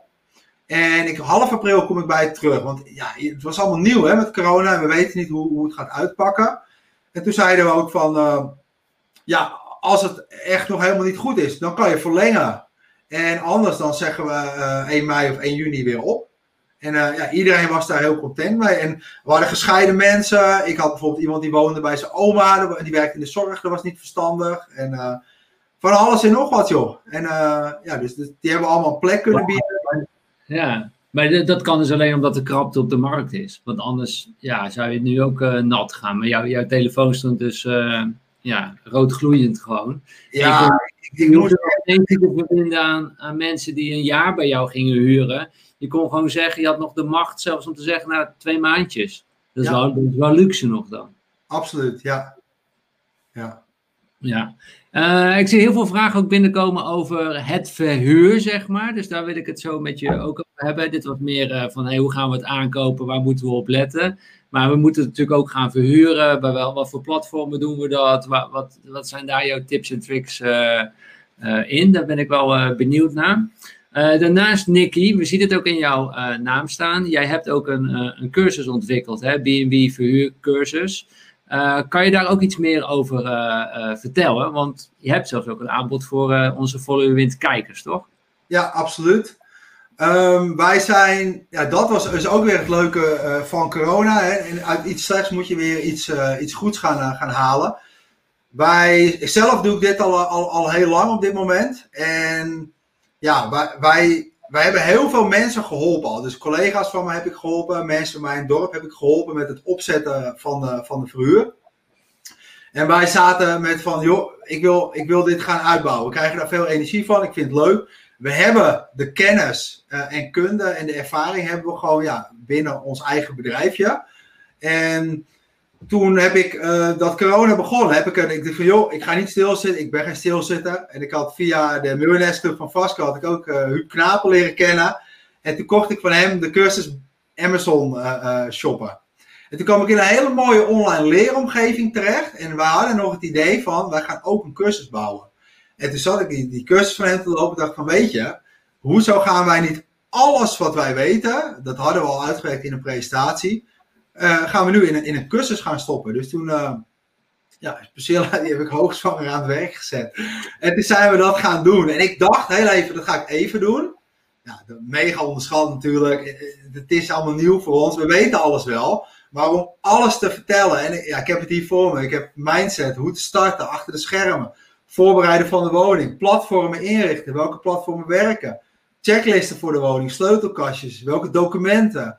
Eh, chalets, uh, financieringen, tips en tricks, buitenland, livecalls, alles hebben we, uh, ja, zo is dat gaan groeien. En ehm, ja, zo hebben we ook die cursus opgezet. En ja, online leerplatform van gemaakt, een digitale cursus. Dus je kan het helemaal in je eigen tijd volgen. met een live call, elke maandag doen we dat, om 7 uur. Met ja, gewoon dus, zoals jij en ik, gelijkgestemde mensen die kopen of die startend zijn of die al verhuren. Ik heb ook heel veel bestaande verhuurders die alleen maar Airbnb targeten. Weet je wel, dat ik zei van joh, ga eens bij een Ferienhuis Mieten kijken, want, of vakantiehuis.nu. Maar daar heb ik zo meteen nog wat tips over. En ja, zo is dat gegaan. En die hebben wij gelanceerd in uh, juli. En ondertussen hebben we al meer dan 192 mensen daarmee uh, kunnen helpen. Dus dat, uh, ja, er was echt wel vraag naar. En iedereen is, is heel enthousiast. En dat is ook wel heel erg leuk om te horen. Ja. Tof, tof. Dus jullie hebben eigenlijk al jouw kennis, waar je nu een klein stukje van de ijsberg eigenlijk in dit eerste uur laat zien, want er is zoveel te vertellen. Dat heb je gewoon allemaal gedocumenteerd. Gewoon van uh, en vakantiewoningen aankopen, van financieren, herfinancieren, van het verhuren, tot aan de, de, de templates die je in huis legt. Dat is allemaal, staat in die cursus. Alles staat erin. Ja, je kan het zo gek niet bedenken. En dat is ook nog een model wat we nog niet besproken hadden. En jij zei van je kan ook starten zonder eigen geld. Uh, en dat is ook, wij, wij zijn uh, gestart met onze eigen woningen. En toen die, die vriend van me, die, eh, die kocht een hele mooie pand in Egmond met een winkel en twee appartementen. Door privéomstandigheden kon hij dat niet doen. Zei hij van joh, weet je, ik zeg joh, gaan wij het toch doen voor je? Hij zei weet je wat, we gaan gewoon voor een vast bedrag per maand. Dan heb ik zekerheid, huur jij het van mij. En dat kan zijn bijvoorbeeld 800 euro of, of 1100 euro per appartement per maand. En dan uh, ja, mag, mag ik ermee doen en laten wat ik wil. En ja, wij kennen natuurlijk de klappen van de zweep. We weten hoe we moeten verhuren. En zo kan je dus zonder eigen geld kan je dat gaan doen. En dat, dat, dat gaf ons ook van oké. Um, en zo zijn wij verder gaan denken. Dat was in 2016. En toen zijn we op een gegeven moment gaan flyeren. Ik heb gewoon flyers gemaakt. En uh, ben in het dorp gegaan. En ik heb in de briefbus gegooid van joh, ik weet dat je zomerwoning leeg staat. Wat zou je ervan vinden als ik jou 750 euro per maand betaal bijvoorbeeld? En dat ik het dan ga verhuren voor je. Ik zeg, jij hoeft nee, ik betaal ongeacht wat dan ook, corona, ik betaal dat aan jou. Maar ik wil het wel gaan verhuren aan, aan, aan toeristen. Vind je dat goed? Ja, en dat is geëxplodeerd. En ondertussen hebben we die, die 20 woningen plus er komt een kasteel bij in, in de Ardennen waar we, die we gaan beheren. En ja, dat gaat heel snel. En zo kan je, omdat je een skill beheerst, en het kost niet super veel tijd, maar het levert wel gewoon leuke rendement op. En dan heb je wel je huur die je eraf moet trekken. Maar dat, dat kan ook je hypotheek zijn. Kan je dus al zonder eigen geld kan je gaan, gaan starten. Ja. Nou kun je dus al gaan starten en weer een extra inkomen naast je huidige inkomen creëren inderdaad. Dus eigenlijk uh, van korte termijn, nee, uh, jullie huren lange termijn en jullie onderverhuren het korte termijn en daarop pak je dan uh, je winst. Ja, ja. ja. En als mensen lid willen worden van jullie cursus, jullie hebben ook een, dan kan dat en jullie hebben ook een speciale aanbieding, toch? Speciaal voor onze, voor onze kijkers. Ja, klopt. We hebben nu speciaal voor vandaag de aanbieding van de cursus en dat is meer dan 20 uur videomateriaal. Um, er zit een community bijna ondertussen met 192 man, gelijkgestemden. In de community kan je ook 24-7 uh, je vragen stellen. Ik zeg niet dat ik midden in de nacht ga antwoorden, maar je hebt binnen 24 uur je antwoord. We hebben elke week die, die live calls en heb je echt een 300 vragen. Stuur me gewoon een appie of je, hoe heet het, je, een e-mailtje. En dan gaan we je, gaan we je daarmee uh, mee helpen. We vragen nu, uh, vandaag hebben we de aanbieding. Als je vandaag op de knop drukt, 7,97. En nogal leuk als extra daarbij is, is um, je krijgt ook een praktijkdag erbij. En dan kom je, moet je wel naar Egmond voor komen. En dat is op ons kantoor in Egmond. Waar, van wij het bedrijf runnen. Doen we eerst even netwerken. Doen we in kleine groepjes corona veilig. Nu even niet, maar ik hoop naar 19 januari weer. En da daarna gaan we jullie vragen beantwoorden. Gaan we even ja, door de training heen of alles duidelijk is. En daarna gaan we naar een van onze woningen dan ga ik je ook echt laten, dan geef ik je ook een opdracht, moet je inchecken. En dan, dan kan je het hele proces van A tot Z een keer doorlopen. Ja. Alles wat in de cursus zit, dat kan je dan echt een, een plekje uh, gaan geven, zeg maar. En dat wordt door de cursisten wel echt als heel fijn als een kickstarter uh, ervaren. Ja. On, onwijs tof. Ik wist niet dat jullie dat deden, zo'n uh, praktijkdag. Ja. Dus dat is, dat is heel tof. Dus in dit geval voor Follow Your Wind, voor de kijkers, we hebben dus de code Follow Your Wind. Die kan je gewoon gebruiken. Daarmee krijg je 400 euro uh, voordeel.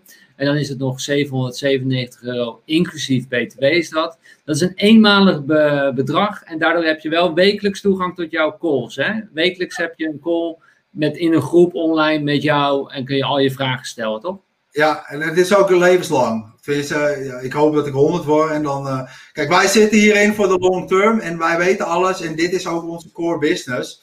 Dus ik vind het alleen maar leuk om, uh, om andere mensen hier, uh, hierbij te helpen. En ook als wij extra modules toevoegen, dan is dat ook gewoon, gewoon, gewoon kosteloos. Dat zit er ook bij in. Zo zijn we nu bezig met Portugal module en zelf wil ik in Tenerife heel graag iets gaan, gaan kopen. Nou, dat ga ik natuurlijk ook helemaal uitwerken. En ja, het is best wel gecompliceerd en dat zit er ook allemaal in. Uh, dus ja, als je dat volgt en je wil iets in het buitenland gaan doen, dan kan je daar ook echt gigantisch voordeel mee doen. Ja, en dat netwerk is, dat, dat is, denk hoor ik ook wel, dat is echt goud waard. En er zitten ook bijvoorbeeld mensen bij die helpen met financieren, die hebben zelf geld. Dus als jij daar plannen mee hebt, dan uh, is dat ook een manier. En wat ik ook nu aan het opzetten ben, dat, dat, dat is een idee als jij nog geen. Um, ik heb iemand in de cursus die heeft geld en die koopt best wel veel chalets op dit moment op. Maar die heeft helemaal geen zin om dat zelf te doen. Dus die zei, hij zei, wie zou kunnen benaderen uit de cursus die dat voor mij gaat doen. Dus dat is ook iets, uh, uh, ja, hoe we dat weg gaan zetten. En dan heb je al meteen, zeg maar, iemand voor wie jij dat rent model kan gaan doen.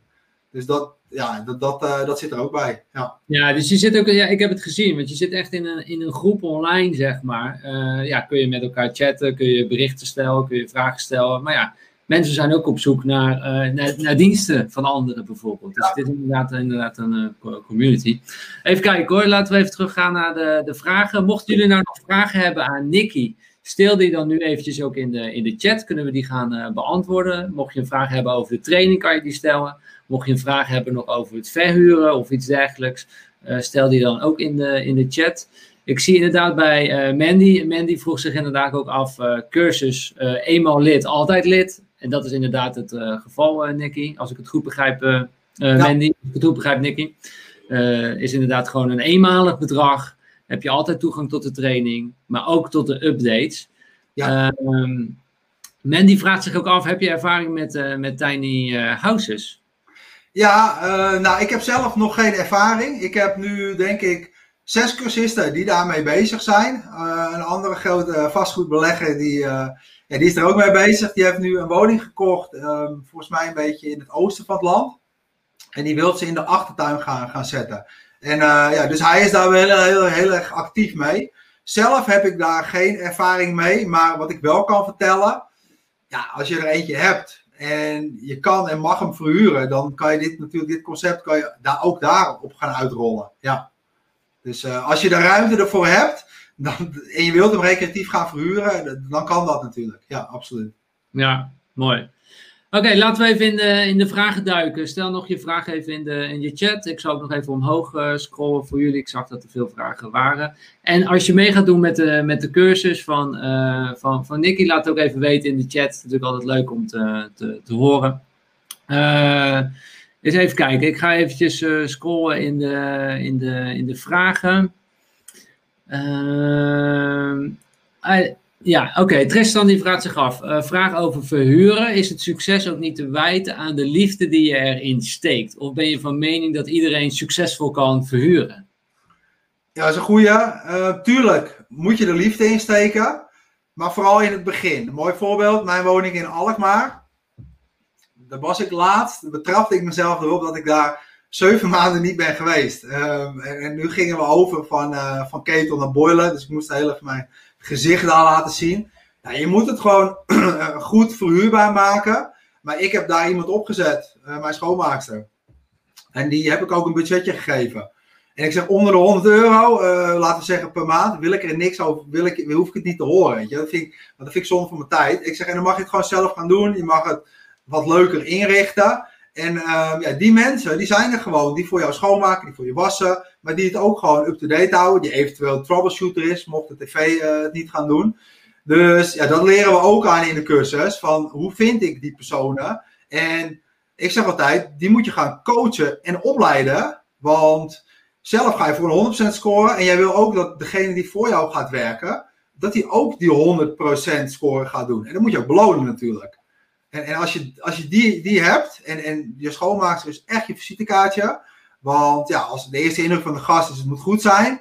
En als dat niet goed is, ja, dan sta je meteen 1-0 achter. Dus ja, dat, dat, is wel zo. Alleen, ja, dat moet je, daar moet je iemand voor vinden. Zoveel liefde stop ik er zelf niet meer in. Nee, ik, moet, ik betrouw me erop dat ik er meer liefde in moet stoppen. Ja, ja, ja, ja zeker ook voor het, uh, voor het onderhoud en dat het ook op dat niveau uh, blijft.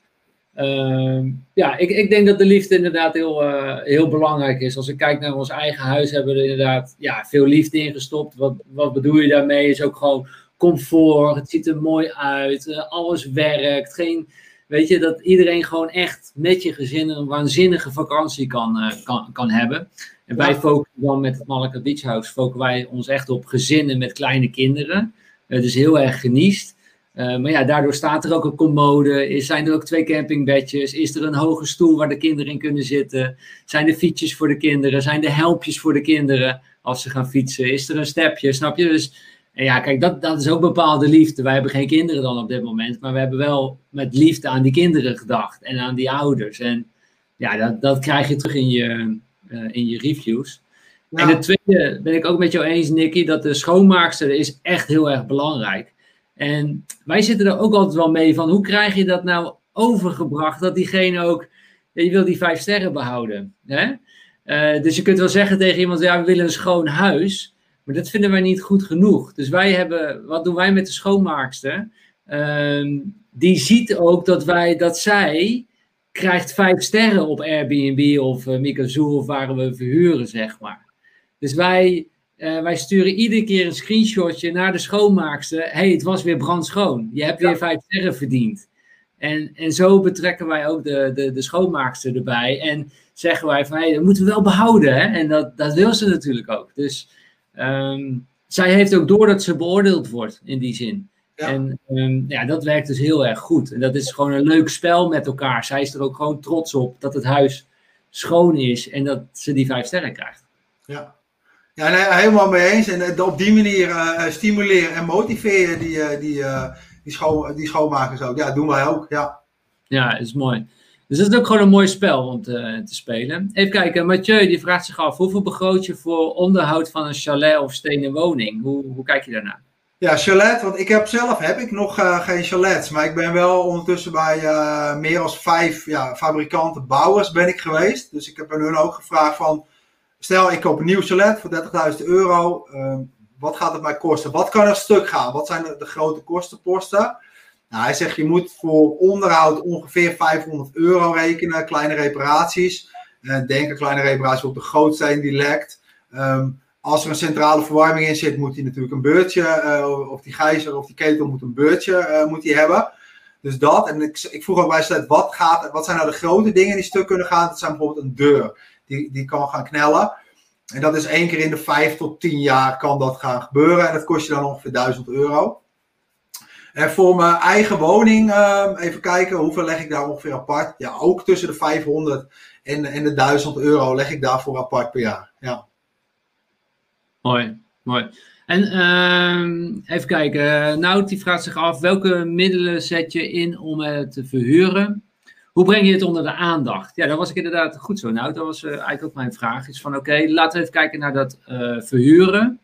Ja. Uh, hoe, hoe, hoe, kom je aan de huurders? Hoe breng je het onder de aandacht? Wat is jouw manier daarvan?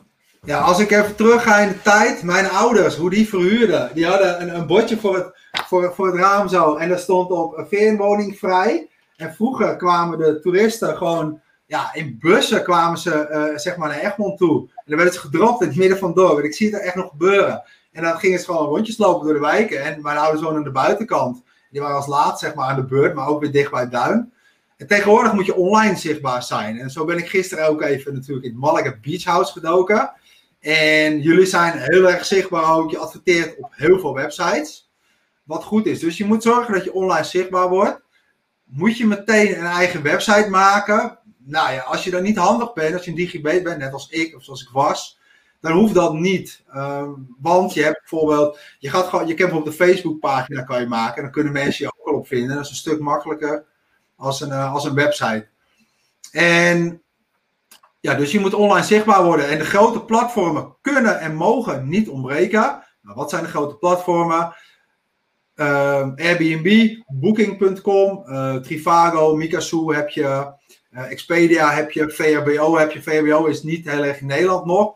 Dat was voorheen, was dat, even kijken, uh, die Engelse site was dat. Um, maar dat zijn alle platformen. En dat is ook een tip die ik je meegeef. Ook ga je het niet bij ons doen, maakt niet uit. Maar deze moet je meenemen. Um, de hoogseizoenen probeer die altijd te verhuren zonder Booking of Airbnb. Waarom? Stel je voor, je verdient 10.000 euro in het hoogseizoen via alleen Airbnb. Dan betaal je daar 15, 15% over. Dus 1500 euro aan Airbnb. Terwijl je, Stijn, als je bijvoorbeeld op vakantiehuis.nu gaat adverteren, betaal je eenmalig 89 euro uh, um, een jaarabonnement. En ook ja. in het hoogseizoen kan je daar ook wel de gasten uithalen. En als je dat niet hebt, ga je de gaten vullen met Airbnb. Dus op die manier hou je zeg maar uh, meer over. En Airbnb en Booking zijn natuurlijk de lachende derde hier in deze. Maar ik zeg altijd, het laaghangende fruit in het hoogseizoen moet je proberen om die via je eigen websiteje, via je Facebookpagina of die, uh, die andere websites binnen te halen. Ja. ja, nou we hebben ook uh, Mikazoo hebben we ook in de uitzending uh, gehad. En zij hebben ook zo'n abonnement dat je iets van 230 euro per jaar, meen ik mij te herinneren, betaal je eenmalige fee per jaar dan. Ja. Maar dan betaal je geen, niet meer die 15% per, per reservering. En dan zet je me wel aan het denken dat je denkt van hey, ja, die, die hoogseizoensmaanden worden toch wel verhuurd. Ja. Ehm, dan kan je het beter even op die andere platformen waar je die 15% betaalt. Gewoon even blokkeren, uitzetten. Ja, Ga eerst proberen om dat via de andere platformen te regelen. En ja. dan kun je daarna kun je inderdaad kun je altijd nog de gaten opvullen. Dat doen wij ook niet. Interessant. Nou, maar dat is echt, echt heel belangrijk. En het lijkt misschien niet veel, maar ondertussen hebben wij 20 woningen op die manier in de verhuur. En uh, ja, als je 10.000 euro, die haal je echt makkelijk zomers. Ja, stel dat wij dat met al die woningen doen, dan is dat 20 keer 1500 euro. Ja, tel hem maar even op, weet je wel. Dat is gewoon een heel jaarsalaris wat je weggeeft aan, aan hun eigenlijk. Dus hoe doen wij dat? Ik adverteer op, op al, ik doe eerst mijn marktonderzoek. Welke platformen doen het goed? Dan kijken we weer naar de collega's.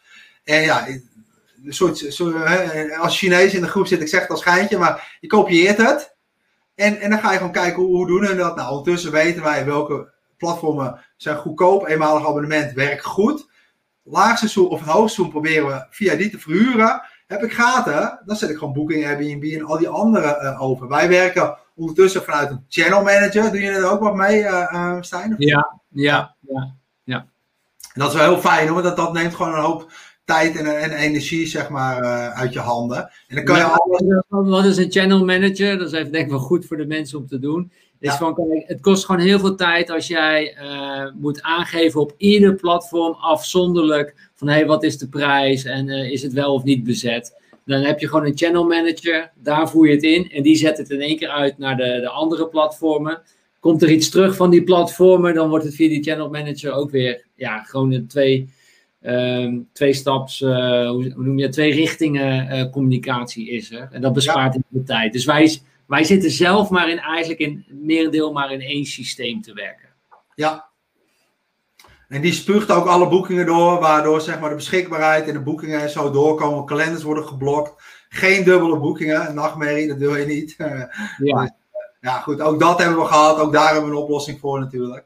Ja, ik zie een, een, een vraag van uh, Jens. Wat zijn je tips voor aspirant verhuurders? Ja, dat is natuurlijk een hele goede. Doe je marktonderzoek. Zorg dat je weet van, dat je van tevoren weet, um, als je gaat kijken, dit, dit, kan, dit kan ik financieel zelf erin stoppen. Uh, maar kijk ook van wat gaat het me opleveren in het beste scenario, maar ook in het slechte scenario. Dus je moet altijd een escape module voor, je, voor jezelf gaan, uh, gaan, uh, gaan inbouwen. Ja. Ja, en, en daarna denk ik, begin klein en ga het, gewoon, ga gewoon testen. Ga het gewoon doen. En dat zei ook een van die chaletverkopers tegen mij. En hij zei, ja, mensen zijn heel erg huiverig met, met chalets. En ja, moet ik het wel doen? Maar het is niet als jij een chalet morgen koopt, dat hij de dag daarna in één keer de helft minder waard is. Chalets zijn best wel waardevast. En, en, dus dat is ook natuurlijk wel iets moois. In, in het slechtste geval, dan, dan kost het je misschien een paar duizendjes. Maar ik weet zeker, als je je marktonderzoek en zo goed doet, dan, uh, dan, dan, heb je daar geen last van. Ja, ja mooi. Uh, eens even kijken, laat nog even weten als jullie nog een vraag hebben. Stel die even via de, via de chat aan, uh, aan ons. Uh, mocht je interesse hebben, kun je natuurlijk ook je inschrijven voor de cursus van Nicky, de BMW verhuurcursus. op dit moment is er een aanbieding. Die aanbieding geldt trouwens tot en met zondag. Dus dat jullie dat weten, tot en met zondag is die aanbieding geldig. Je kunt gaan naar followyourwind.com slash bnbverhuur. Dan kom je op de betaalpagina en daar kun je de couponcode gebruiken Follow Your Wind en dan krijg je 400 euro voordeel. Uh, en mocht je nog een vraag hebben daarover of over iets anders, stel die dan nog eventjes in de, in de chat. Daar is nu uh, ruimte voor. Wouter die vraagt zich bijvoorbeeld af, uh, liever een vakantiewoning dan een studentenwoning?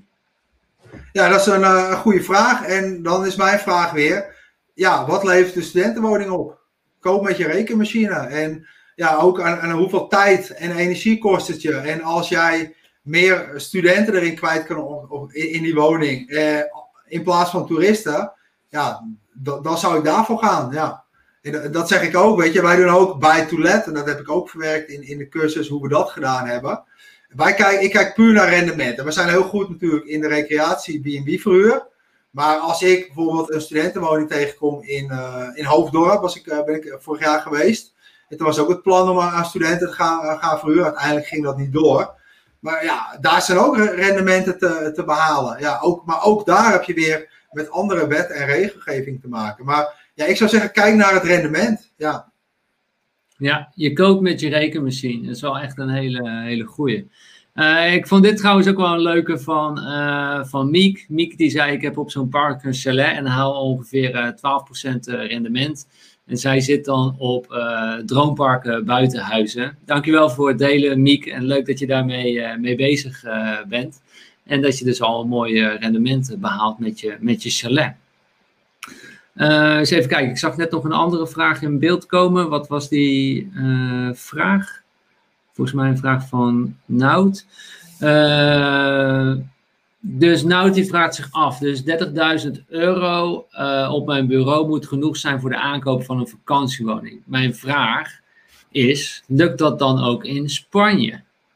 Ja, lukt dat ook in Spanje? Ja, Spanje is natuurlijk wel heel groot, moeten we zeggen. Uh, laten we, heb jij ervaring? In, in, jij bent in Tenerife ben jij bezig op dit uh, moment ook, hè? Ben je aan het kijken? Maar ja. ben je op zoek naar een. Uh, kijk, die 30.000 euro is wel natuurlijk een chalet. Is niet echt een. Ja, is geen stenen vakantiewoning. Uh, ja, ik, ik heb gisteren heb ik een uh, interview gehad. Met een wij hebben een makelaar bij ons. die, is ja, die is een investeerder, is die ook. En hij is zelf ook bezig met recreatieverhuur. Dus ik vroeg aan hem, hij zit in de Algarve in dit geval. Maar hun zitten ook, zijn financiële man. Um, die, die doet ook Spanje, zeg maar. En ik vroeg ook aan hem, want ik wil heel graag iets gaan kopen in Tenerife. Waarom Tenerife? Ook weer strategisch kopen. Tenerife heeft een winterseizoen. Je kan er overwinteren. Veel toeristen. En een zomerseizoen, veel toeristen. Oftewel, je zit altijd vol. In tot denk aan bijvoorbeeld, ik noem maar eventjes wat, Lloret de Mar of Mallorca. Dat is gewoon leeg in de winter. Dus daarom, met dat oogmerk, kijk ik ook naar een woning. En ik vroeg ook aan hem, ik zeg, stel je voor, ik koop in, uh, in, in, in Spanje wat, of in Portugal. Hoeveel moet ik zelf meenemen? Hij zegt, ga uit van 40%. Dus als jij uh, eh, 30.000 euro hebt, dan kan je iets kopen. Dan moet je alleen weer je marktonderzoek uh, gaan doen natuurlijk daarvan. Ja, wat kost de woning mij en wat gaat het me, me opleveren? Ja, dus het dus kan zeker wel, absoluut, ja. Ja, dus zou je iets van 100 tot 120.000 euro daar kunnen, kunnen kopen. Ja. Maar die, die vakantiewoning waar jij naar aan het kijken bent in Tenerife, welke prijsklasse ligt die ongeveer? En wat krijg je daarvoor? Is het twee kamer appartement of wat, wat is het? Ja, twee kamer appartement. En we zijn ook iets in het duurdere segment zitten we te kijken uh, rond de 400.000 euro. Uh, maar dan wil ik wel eigenlijk dat ik hem soort van kan splitsen, zeg maar. Dat ik er twee van kan maken of één voor een grote familie. En ook weer ja, de vraag altijd stellen, wat was je doelgroep? Uh, ik heb het liefst niet natuurlijk tien uh, jonge Engelsen erin zitten. Maar ik wil gewoon net als jullie, gezinnen wil ik, wil ik daarin hebben. Uh, maar je hebt daar al hele leuke appartementen van, uh, van 200.000 euro. Twee kamers. Um, zit ongeveer een kwartiertje, tien minuutjes van het strand af. Het zit wel aan de kust, maar naar het strand van bijvoorbeeld Las Americas, de hotspots, is het op tien minuutjes. Dus dat is prima. Um, ja, en, en, dat is gewoon goed te verhuren. En ook weer de escape module heb ik ook gevraagd. En ik ben bij alle makelaars. Ik ben, heel de maand december zijn wij in Tenerife geweest. Om uh, te kijken ook daarvoor. En om even te ontspannen. En toen ben ik bij al die makelaars binnen geweest. Toen ben ik ook gaan vragen van ja, hoe is de gewone markt hier? En uh, ja, ook daar is gewoon een, een vraag naar woningen. Dus uh, ja, het escape plan is er ook zeg maar al. Ja. En, en wat is het escape plan? Dan zou je het lange termijn gaan verhuren. Ja, absoluut. Ja, ja. ja, Ik, uh, ik had hier nog een vraag van tevoren van uh, Manon. En, en zij is, is, ook al op zoek naar een aantal uh, huisjes en ook vakantiewoningen is aan het kijken. En ze liep een beetje tegenaan tegen de financiering van zo'n vakantiewoning. Want ze heeft wel best wel wat eigen vermogen, maar niet 100% voor zo'n stenen van 100.000 euro, zeg maar. Ja. En nou, waar, waar, waar komt het op neer? Is dat ze bij de reguliere financiering lukte het niet, zeg maar. Want ze willen dan zelf drie maanden wonen, maar de rest wil ze verhuren. Maar daar krijgt ze bij de reguliere ehm, financiering geen hypotheek. En ik denk dat ze dan bedoelt dat het geen beleggingshypotheek is, geen verhuurhypotheek, maar gewoon een hypotheek dat je er zelf in woont. Ja. Uh, dus maar dat kunnen we denk ik begrijpen, Nicky, want dit zijn gewoon andere financieringen hè, voor, voor zo'n beleggingspand. Is het een stenen woning of een houten? Uh, nou, dat was het tweede stuk, is dat als het, geen als het een houten is, uh, ze willen dus de recreatiewoningversierders willen dus per se stenen fundering. Ja, ja. ja, dat heeft weer te maken met die onderliggende waarde. En, en ja. Ja, maar dat is ook wel zo, denk ik. Daar moet je ook heel eerlijk in zijn. Want iets wat van steen is en een goede fundering blijft gewoon langer goed. En, en dat is ook wat die, die. Ik ben bijvoorbeeld ook in, in gesprek geweest. En die heb ik ook bij ons in, in, de training erbij zitten.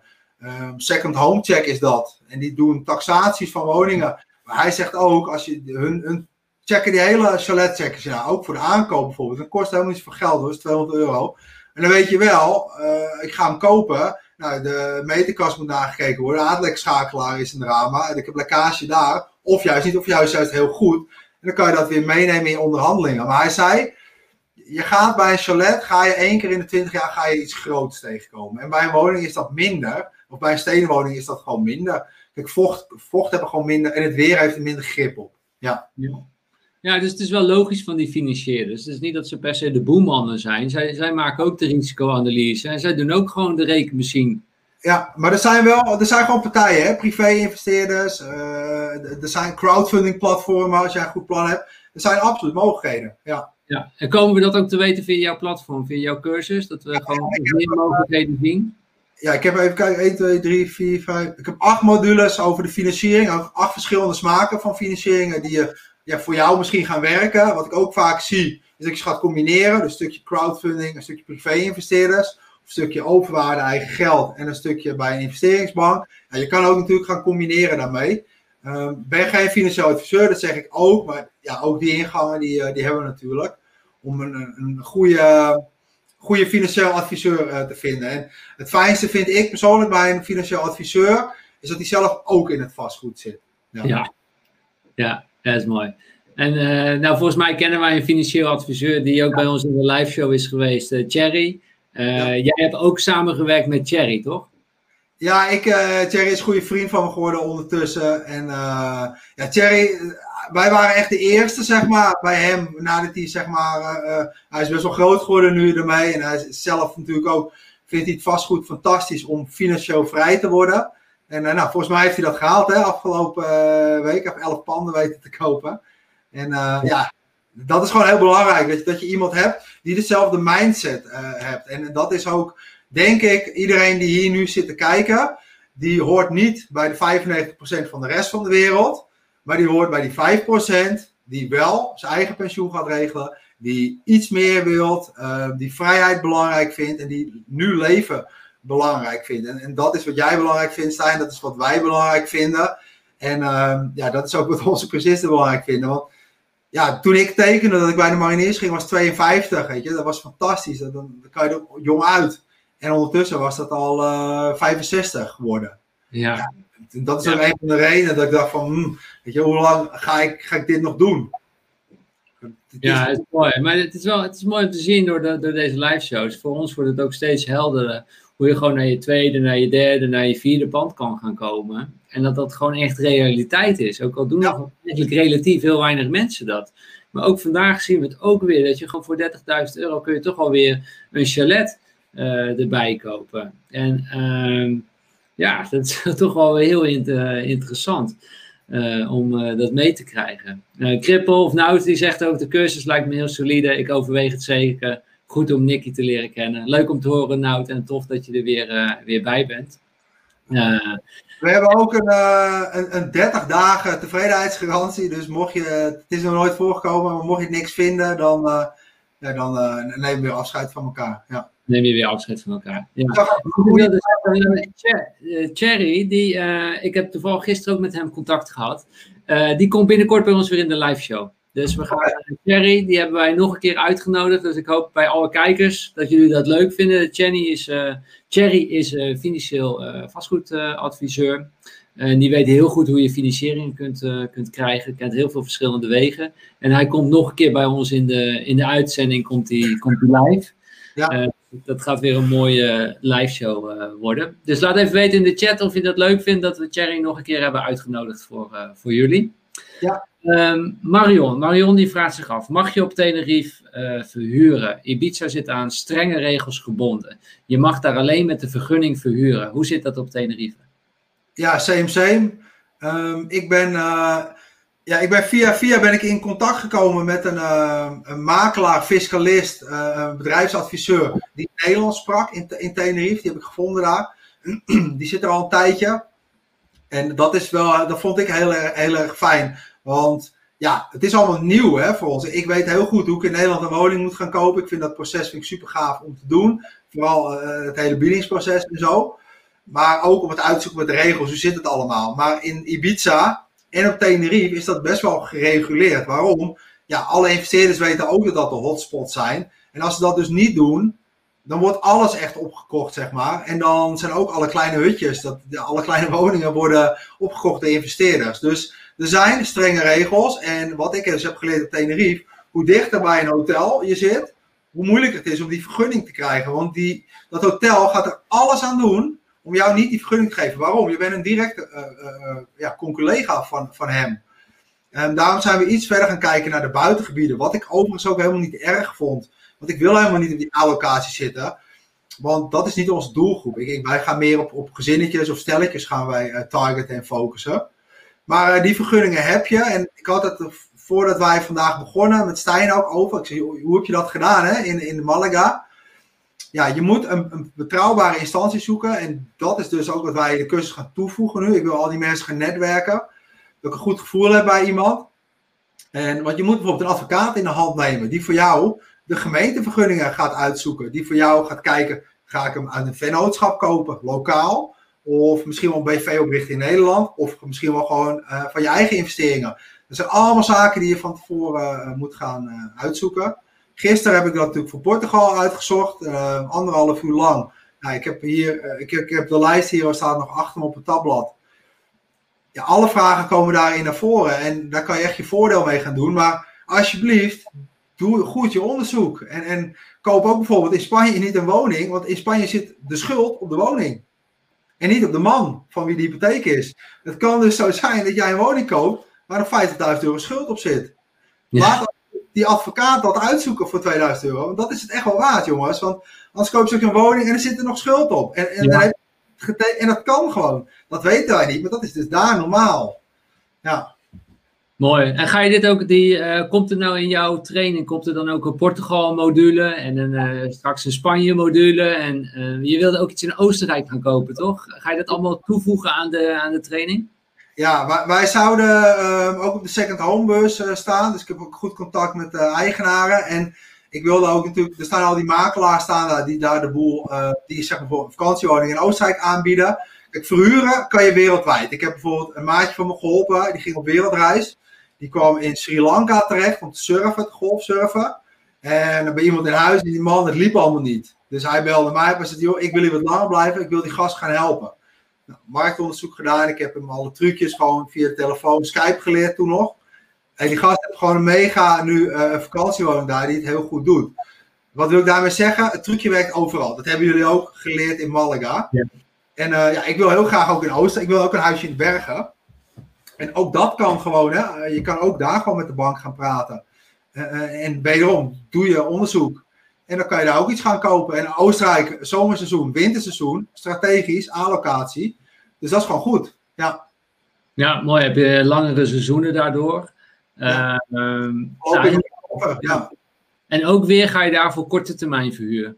Ja, absoluut. Ja, zeker. Ja. Ja, voor het hoge rendement en je besteedt gewoon alles uit, maar toch nog, nog uh, ja. ja. Ja, mooi. Uh, eens even kijken. Han die zegt, uh, ik hoorde dat banken steeds minder makkelijk een verhuurhypotheek verstrekken, zelfs als je 30% eigen inbreng hebt. hebt.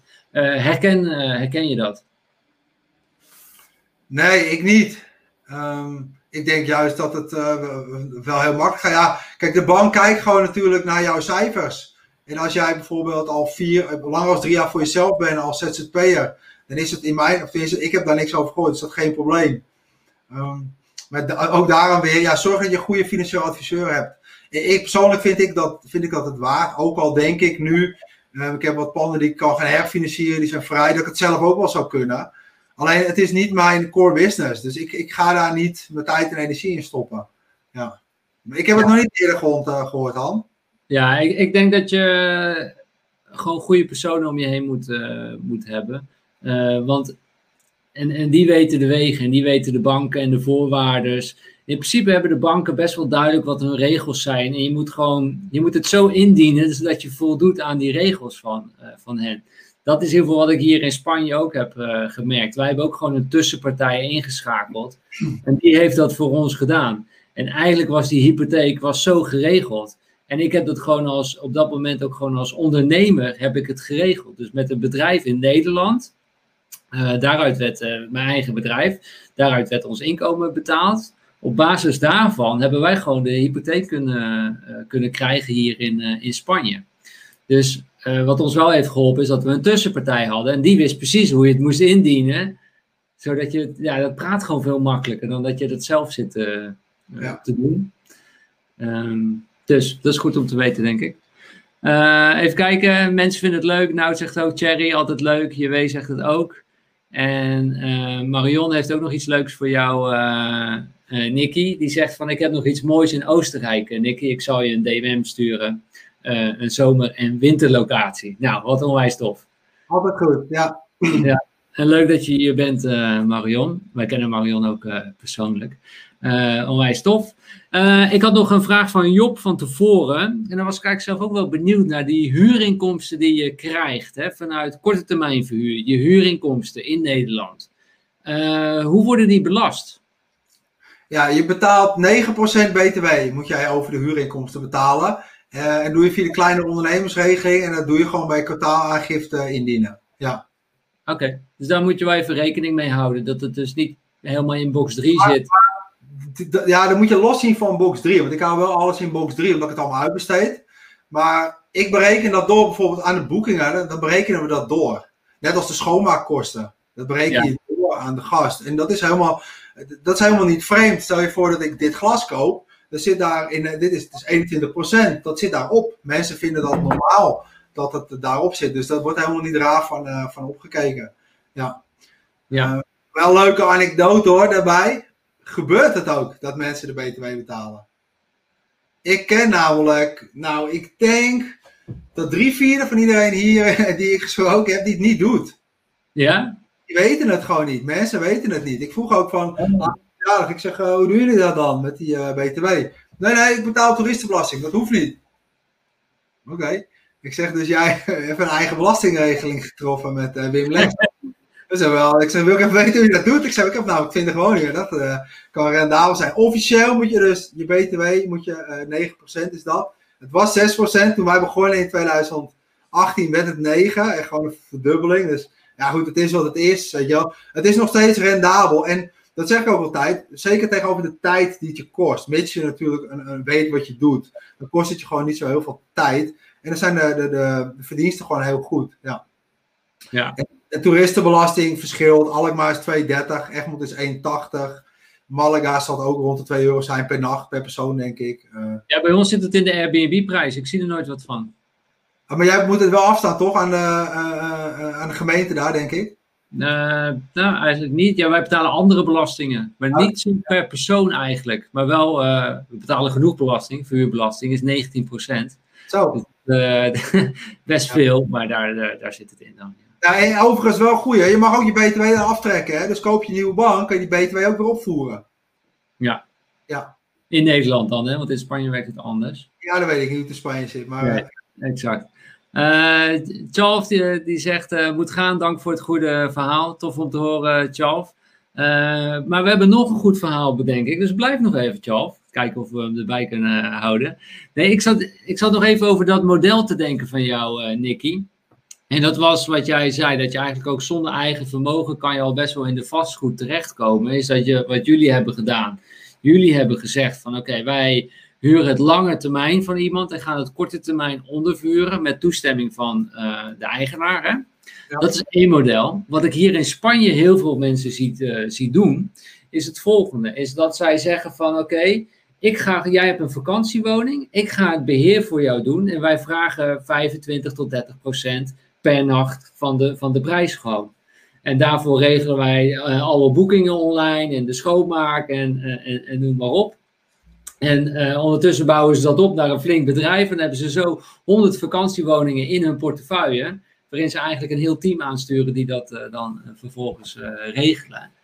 Um, en dan heb je eigenlijk ook je verhuurbedrijf. Maar dan heb je echt heel, loop je helemaal geen risico. In die zin dat als er geen, niks wordt verhuurd. Ja, dan heb je geen kosten, heb je ook geen inkomsten. Maar wordt er goed verhuurd, dan heb je ook goede inkomsten en kun je ook iedereen van betalen. Zo. Ja, dus dat is eigenlijk nog een, eh, een tweede manier die ik dacht van hey, hoe je ook al kun, kan beginnen met dat korte termijn verhuur. Is gewoon op provisiebasis, op commissiebasis, 25 tot 30 procent. Doe mij ook hoor. Ah.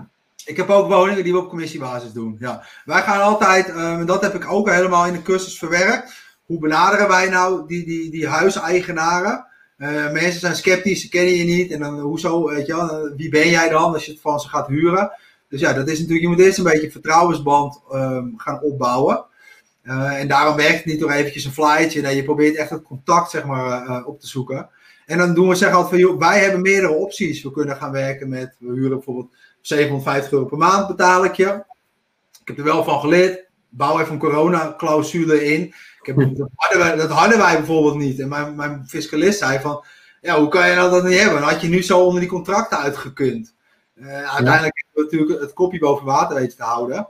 Maar uh, ja, dat hebben we nu wel, zit er wel in, jongens. Als, als, het echt niet meer kan, dan kunnen wij het contract verbreken. Maar ook in geval van oorlog, natuurrampen, plagen. Hij zegt, ja, dat is eigenlijk een standaard riedeltje die in al die contracten zit. Ja, gaandeweg leren.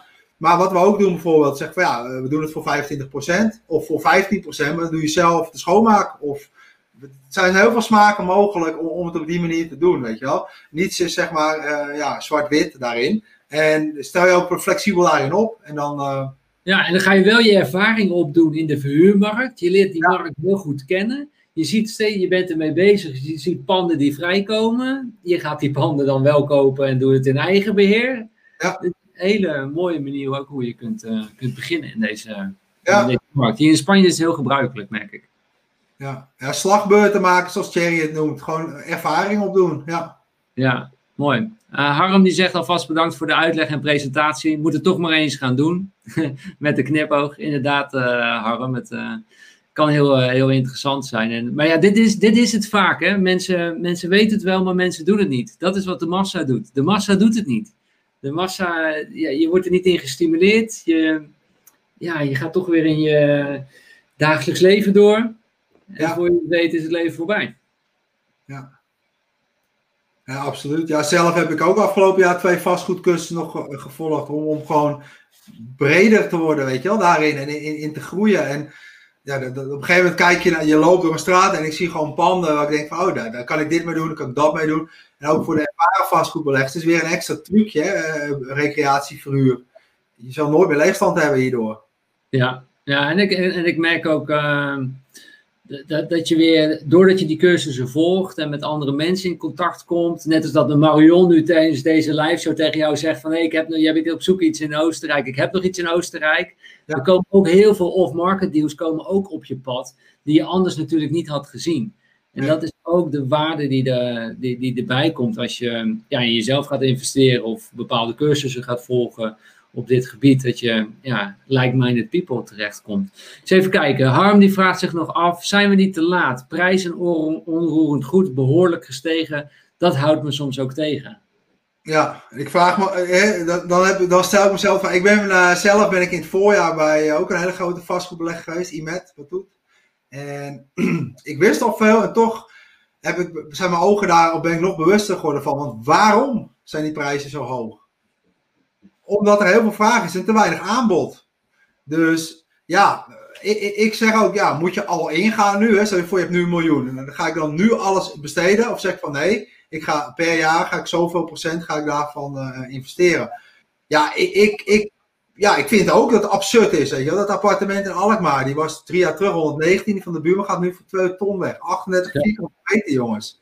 Het is echt, het is gewoon, het is een leuke locatie, maar Persoonlijk vind ik het gewoon niet waard. Maar het is wel de realiteit waar we op dit moment in leven. En gaat het minder worden? Ja, ik, ik denk het niet. Want iemand zei ook, ja, stenen kan je niet bijdrukken. En dat is ook precies wat op dit moment niet gebeurt. Ze kunnen het niet bijbouwen. En de vraag wordt, wordt alleen maar groter. Er gaan nog meer mensen scheiden door al de thuiswerksituaties en met, met kindertjes en dingetjes. Oftewel, ja, ik zie dat voorlopig, ik zie hem wel misschien stabiliseren, de hele markt. Maar ja, ik, ik zie niet dat, dat, er, uh, dat de prijzen gaan zakken. En uh, ja, ook ja, dat... hebben nog eens met, met uh, quantitative easing te maken, met de, de, de geldprinter die aanstaat en dat er 21% van alle dollars zijn in 2020 geprint. Er wordt ja. zoveel geld bijgeprint, hè, dat, dat dat geld ook minder waard is geworden. Nog een belangrijke tip, als je voor een stenen woning gaat kijken, er is een laatste, heb ik, dat heb ik ook gedeeld bij ons in de community van de cursus Woningnood is niet alleen in Nederland, dat is echt een probleem, weet je wel, in, in, in Europa. Ook natuurlijk omdat we heel veel immigranten hebben. En, en ja, weet je, ik, ik ben zelf ook zeven keer op uitzending geweest. Dus ik snap wel dat vluchtelingen die echt niks hebben, die moet je gewoon helpen, weet je wel. Dat, dat, dat, dat, dat sta ik echt voor. Maar soms denk ik wel van, ja, we hebben wel echt een probleem op dit moment. We hebben een gigantische woningnood. En de EU had gezegd, je mag straks stenen vakantieparken mag je ook een woonbestemming op gaan doen. dat is wel, als zodra dat gaat gebeuren, hou dat in de gaten. Hoor je dat ooit ergens, dan moet je dan een lampje gaan branden bij me. Bel me. Want dan heb je straks een vakantiewoning waar een recreatiebestemming op zit, maar wellicht ook een woonbestemming op komt, omdat je hem long-term mag verhuren. Ja, en dat is de verdubbelaar. En het mooie daarvan is, dan kan je ook naar de bank toe gaan. En dat houdt in dat de prijs dus omhoog gaat van die, uh, van die woning. En dat is precies wat die vrienden van mij hebben verteld. Die zeiden van, hé, hey, op dit moment hebben wij een recreatiewoning, maar de mensen op het park zijn ermee bezig om dat te krijgen naar een ander bestemmingsplan. Ja. En we hebben het nu al gekocht. Stel dat dat lukt, dan is dat een extra cadeautje, maar wel een flink cadeautje. Dubbelaar. Ja. Dat, noemden zij dat ook in, uh, inderdaad, zoals jij dat uh, zei. Dan, ja, dan zit je nog zeven natuurlijk met je vakantiewoning. Ja, dus daar zitten wij ook bovenop. En uh, ik heb nu verschillende makelaars ook die ons daarmee um, in de gaten houden. Ik heb ook parkeigenaren benaderd. En ja, die weten ook dat wij investeerders hebben. Dus ja, die, uh, die delen ook. Dus ik heb ook een marketplace gemaakt, zeg maar, in de online community. Waar mensen um, ja, die, die deals kunnen gaan delen. En op dit moment zijn ze er nog niet. Maar ja, ik zie het eerlijk gezegd wel gaan gebeuren hoor, de aankomende twee jaar. Dus ja, als je die dan hebt, ja, dan komt die, die vrijheid die jij wilt, wilt gaan behalen, die komt heel snel heel dichtbij. En dan kan het misschien wel zo zijn dat je nog maar drie dagen in de week hoeft te werken, weet je wel. Of, of ja. je blijft vijf dagen werken en je gaat nog sneller geld bij elkaar sparen om nog zoiets te doen, weet je wel. Um, ja. Ja, maar het zit allemaal in die kleine tips. Wat, wat net het grote verschil gaat. Het is een kleine tip, het is maar 1 millimeter verschil. Maar het effect is zo groot. Ja. Uiteindelijk. Gewoon dat je net wel dat inzicht hebt, uh, hebt gehad. En, uh, Absoluut. Nicky, ik wil je super bedanken voor je, voor je tijd. Voor je, ja, je geweldige verhaal, geweldige inzicht. dankjewel daarvoor dat je dat hebt gedeeld met, met ons. iedereen die hier aanwezig is geweest, bedankt weer voor de onwijs goede, goede vragen. ik zie nog één vraag binnenkomen van volgens mij Nicole. Even kijken, ik zag in Zeeland een hotel die zijn kamers te koop zet. Is dat interessant? Hoe kijk jij daarnaar, Nicky? Dus er is een hotel in Zeeland, daar kun je kamers gaan kopen. Ja, um, zolang het geen timesharing is, uh, is ja. het interessant. Um, en, en ja, ik zou ook gewoon eens gaan, ik zou sowieso gaan kijken daar, als je daarin uh, in geïnteresseerd bent. Zorg dat je zichtbaar wordt, dat die mensen jou kennen, ook de makelaar als je daar iets wilt gaan kopen. Uh, want stel dat als dit niks wordt, sta je onder de sneltoets voor de volgende deal. Dus dat is sowieso iets wat je mee kan nemen. En ik denk dat dat heel erg interessant is. Waarom? Mijn appartement in Alkmaar was een hotel, zit een recreatiebestemming op en een woonbestemming. Oftewel, als jij daar kamers kan kopen en je mag me ook uh, ja, een, een, direct message sturen, want dit zijn de pareltjes op de markt. Um, ben ik ook wel in geïnteresseerd en ik weet zeker met mij velen want ja, er zit waarschijnlijk een dubbelbestemming op. Dus je kan daar uh, vast verhuren, maar je kan ook recreatief verhuren. Oftewel, plan A en B zijn uh, in één. Dus uh, zeker interessant om uit te zoeken. Ja. Mooi, mooi, mooi. En, maar dat is het. Je moet het gewoon gaan, uit, gaan, gaan onderzoeken. Bestemmingsplan weten. Je scenario's gaan bedenken. Je escape plan weten. En je neemt altijd je rekenmachine mee. Dat is ook wat we vandaag weer geleerd hebben. Ja. Ja. Dankjewel, uh, Nicky. En alle kijkers ook super bedankt. Volgende week zijn we er weer. Vrijdag 15 januari om 12 uur. En dan gaan we het hebben over beleggen. Beleggen als een pro via bots. Ik heb de CEO uitgenodigd, Michiel Stokman. En we gaan het hebben over geautomatiseerd beleggen. En zij hebben dus een app ontwikkeld. En die is in 2020, mei 2020 is die live gegaan. En hun bedrijf wordt nu al geschat op 100 miljoen. En ze hebben ook een, uh, bij investeerders hebben ze ook 40 miljoen uh, op, uh, opgehaald. Die CEO die komt vertellen over het nieuwe beleggen, over beleggen als een pro, ja, via geautomatiseerde bots. Dus dat bots voor jou gaan, gaan beleggen. ik ben natuurlijk heel erg benieuwd wat voor rendementen dus ook bots kunnen maken. waarom beleggen de bots beter dan de mensen? Uh, en in hun app zit ook machine learning. Dus zij hebben ook uh, machine learning hebben ze verwerkt in hun bots, waardoor die bots ook ja, door kunstmatige intelligentie telkens slimmer en slimmer worden en dus beter kunnen gaan, uh, gaan beleggen voor jou. ik ben benieuwd. Ik ben benieuwd, is dit een veilige manier van beleggen? Is dit de toekomst van het beleggen? We zullen het volgende week krijgen we daar allemaal de antwoorden op. Vrijdag 12 of 15 januari om 12 uur is Michiel bij ons in de uitzending. En je kunt je vanmiddag alweer gaan inschrijven voor die, uh, die live show. Dus ik hoop dat jullie dat weer een leuke live show vinden voor de volgende keer. En ik zou zeggen, uh, Nicky, zullen we nog even een fotootje maken met z'n allen? Dat we nog eventjes een, uh, een Instagram uh, fotootje doen. En ik doe even zo. Wat, waar staat die? Ehm, hier zo. kijkers, jullie mogen ook meedoen. Maak even een fotootje met je, met je telefoon. En tag ons even op apenstaatje Nicole Stijn of bnbverhuurcursus.nl op Instagram. Uh, tag ons even, laat even weten wat je van de live show uh, vond. En komt ie. En tag ons gewoon eventjes. Vinden we altijd leuk. Vinden we altijd leuk om te zien wie de kijkers zijn geweest. Dus laat ehm, hierachter. En ik zou dan zeggen voor iedereen super bedankt voor het kijken. En tot volgende week weer. Ciao, ciao. Hey, bedankt, succes. En we zien jullie natuurlijk ook met z'n allen in de groep. Hè? Vergeet dat niet. Meld je nog even aan in de groep. followyourwind.com slash de groep. Uh, groep. followyourwind.com slash groep. Linkje staat ook onder de video.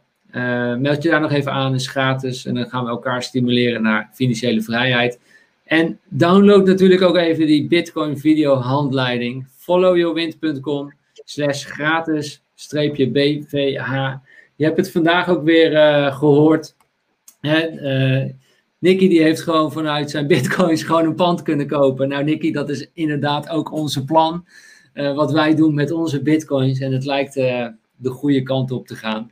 Natuurlijk gaat de bitcoin gaat op en neer. We gaan nog flinke keer dalen. Maar ik denk echt heilig overtuigd dat er ook nog grote pieken gaan komen. Hoe denk jij daarover, Nicky? Ja, same, same. Ik heb natuurlijk de boeren van 2017 meegemaakt. En toen was het echt ook wat, wat Madelon natuurlijk zegt, die volg ik ook al jaren. En fantastisch, weet je. Alles wat zij al drie jaar pretendeert, dat is ook gewoon echt zo. En vanmorgen was Didi, was bij Veronica natuurlijk eh, in, in, de, in, de radio. Word, ik word weer gebeld door, door mensen. Het gaat gewoon gebeuren. En alleen het verschil wat nu is, het is nog niet super, super veel in het nieuws geweest. Nee. Uh, ja, alle dips worden opgekocht op dit moment. Het is bizar, weet je wel. En in de alt zijn ook aan het, aan het volgen hierin. Dus uh, sorry, ik zeg alleen één tip. Beleg natuurlijk met geld wat je kan missen. En zorg dat je in een goede kant zit. Ja, en je koopt altijd te duur en je verkoopt altijd te laag. Maar wees ook tevreden op een gegeven moment. Zorg dat je een exit-strategie hebt daarin. Ja, zo ook, ja, ook hier weer escape plan hebben. Denken in verschillende scenario's. Wat kan er gebeuren? En, nou, we hebben in de, in de gids, in de Bitcoin videohandleiding, hebben we gewoon een hele simpele strategie ontworpen. Uh, waardoor je altijd op het juiste moment instapt. Uh, je kunt, het is heel makkelijk om te doen. En je moet het alleen consequent doen. Dat is het enige. Gewoon, maar dan kan een aap kan dit doen. Dat is een van de meest veilige manieren hoe je ja, bitcoins kunt kopen, maar ook aandelen kunt kopen. Het werkt op al die op al die beurzen. Je verkleint het risico en je hebt toch nog kans op een, uh, een goed rendement. Want we gaan er natuurlijk met z'n allen vanuit dat de bitcoin nog hoger gaat. Anders stap je nu ook niet in. Je gaat niet nu instappen als je niet verwacht dat het hoger wordt. Uh, maar die strategie die vind je gewoon in onze Bitcoin uh, handleiding. Dus bereid je voor, lees je goed in en doe er je voordeel mee, zou ik, zou ik zeggen. Marion zegt nog mooie samenvatting, Stijn. Thanks, Nicky en Stijn en Nicole. Fijn weekend. En liefst, leuk dat je erbij was, Marion. Jolie zegt ook, dankjewel, interessante info. Fijn weekend. En ik krijg net nog even een appje van mijn vader. Vergeet het Follow Your Wind t-shirt niet. En dat is ook een hele, hele goede. Nicky, we willen jou graag nog iets, iets aanbieden. En dat is het volgende. Dat is een Follow Your Wind t-shirt. Als, ja, als vriend van de show willen we jou dat graag aanbieden. Uh, we hebben twee t-shirts voor de, voor de mannen. Dat is een sport-t-shirt Mission Possible. En het gewoon dagelijkse t-shirt met, met Follow Your Wind. aan jou de keuze waar je graag voor, voor wilt gaan. Mission Possible, absoluut. Absoluut, Mission Possible. Gaan we die jouw kant op, op sturen. Dus blijf even hangen, dan stuur ik hem zo dadelijk naar je, naar je op. Gaaf. Iedereen super bedankt. Uh, René, ik zag jou ook nog met een leuk commentaar. Dankjewel dat je er was. Matthias zegt thanks man, mannen. Jij ook bedankt uh, Matthias. René zegt dank jullie wel Stijn, Nicole en uiteraard Nicky voor deze leuke en interessante live show. Follow your wind. Uh, buen fin de semana. Goed weekend. En we zijn ondertussen alweer twee uur verder. De live shows worden steeds langer. Maar ik hoop dat ze super interessant voor je zijn. Tot volgende week vrijdag weer. Ciao, ciao. Hoi.